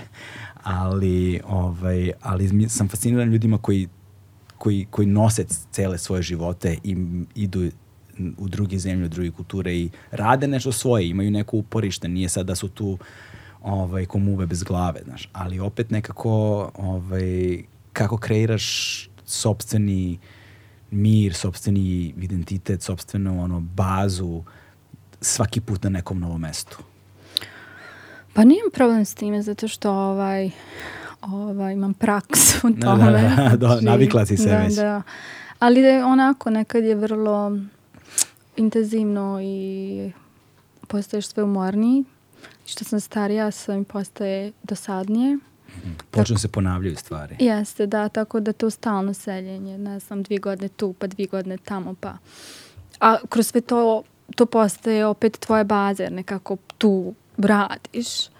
Onda sam shvatila kako ovaj, sad razmišljam o tome da konačno imam jednu bazu, mm. a da ću i dalje jel, putovati i raditi, ali mi je vrlo bitno da nekako sad znam gdje je to mjesto gdje ja mogu da nekako znam gdje će mi biti radovi i gdje ću moći da ostavim sve stvari koje imam. Ja sad imam stvari na dva kontinenta, tako da mm. onaj, je vrlo nekad to onako stresno. Da. A porodica, e, društveni odnosi, konekcije, prijatelji, znaš, to se opet sve nekako razlači ili puca ili nateže ili, znaš, to je opet isto jedna yes, da. fleksibilna da. stvar. Čovjek često u inostranstvu, u inostranstvu, mislim šta god inostranstvo značilo u ovom mhm. slučaju, mm. bude usamljen. Da, vrlo često. Ja, pa i, mislim, ja sam srećna zato što u, ovaj, svi moji najbolji prijatelji žive u Amsterdamu. jel, u Amsterdamu ili Berlinu, tako da ih vrlo često ovaj, mogu ih vidjeti. To su ti ovaj. umetnički krugovi. Pa da, a s druge strane, ovaj, to nedo, nedostajanje, ne znam, sredine, jer recimo porodice, ovaj, vrlo teško, tako da, ali naučiš kroz život u stvari, naučiš da ti nešto ne nedostaje, da. nego da naučiš da živiš u trenutku, tako da ja vrlo često moram mm. da živim u trenutku da bi bila da bi moje tijelo moglo da funkcioniše. Znači da. ja moram da radim konstantno na svom tijelu, da pokrenem mašinu, da mogu da se bavim savim. Znači moj život nije samo umjetnost, moj život uh, raditi nešto drugo. Znači ja i dalje ja moram se baviti sportom, imam druge aktivnosti da bih mogla da funkcionišem kao ljudsko biće. Da, da, da, da, da. Znači... E, a i lakše je kada ste u istoj vremenskoj zoni. pa da. da. Da, to je ono, ako ste preko Zuma, barem da ste u istoj vremenskoj zoni. zoni. Da. Selma, hvala ti puno znam da si umorna, pravo sa aerodroma si došla ovde, ovaj, ali mi je veliko zadovoljstvo da smo se najzad celi malo ovaj, ovako popričali, možemo da popričamo sad još kad, te, kad se završe kamera i pokažeš kako, šta su ti to slave sve, zanima me kakve da. su to ludačke poruke koje dobijaš. Ovaj, uh, na, nadam se da će ti ove radionice ovde u Beogradu proći super. Uh, radujemo se nekoj tvojoj samostalnoj izložbi u Beogradu, ako bude bilo prilike. Uh, Ovaj, okačit ću ja sve tvoje kontakte u, ovaj, eh, u opis ovog, ove epizode, pa ljudi mogu da te zaprate, da te pronađu i nadam se da ću uspjeti da stignem da vidimo taj performans u Berlinu, to me baš zanima. E pa to bilo najbolje, znači da. bilo bi vrlo, vrlo srećno kad mogu doći. Potru, pa Hvala da te da... puno što si me ugostio i što, jel, nisi zaboravio. Nemoj da brineš ništa, tu smo. E, stigli smo do kraja. Ćao. Ćao.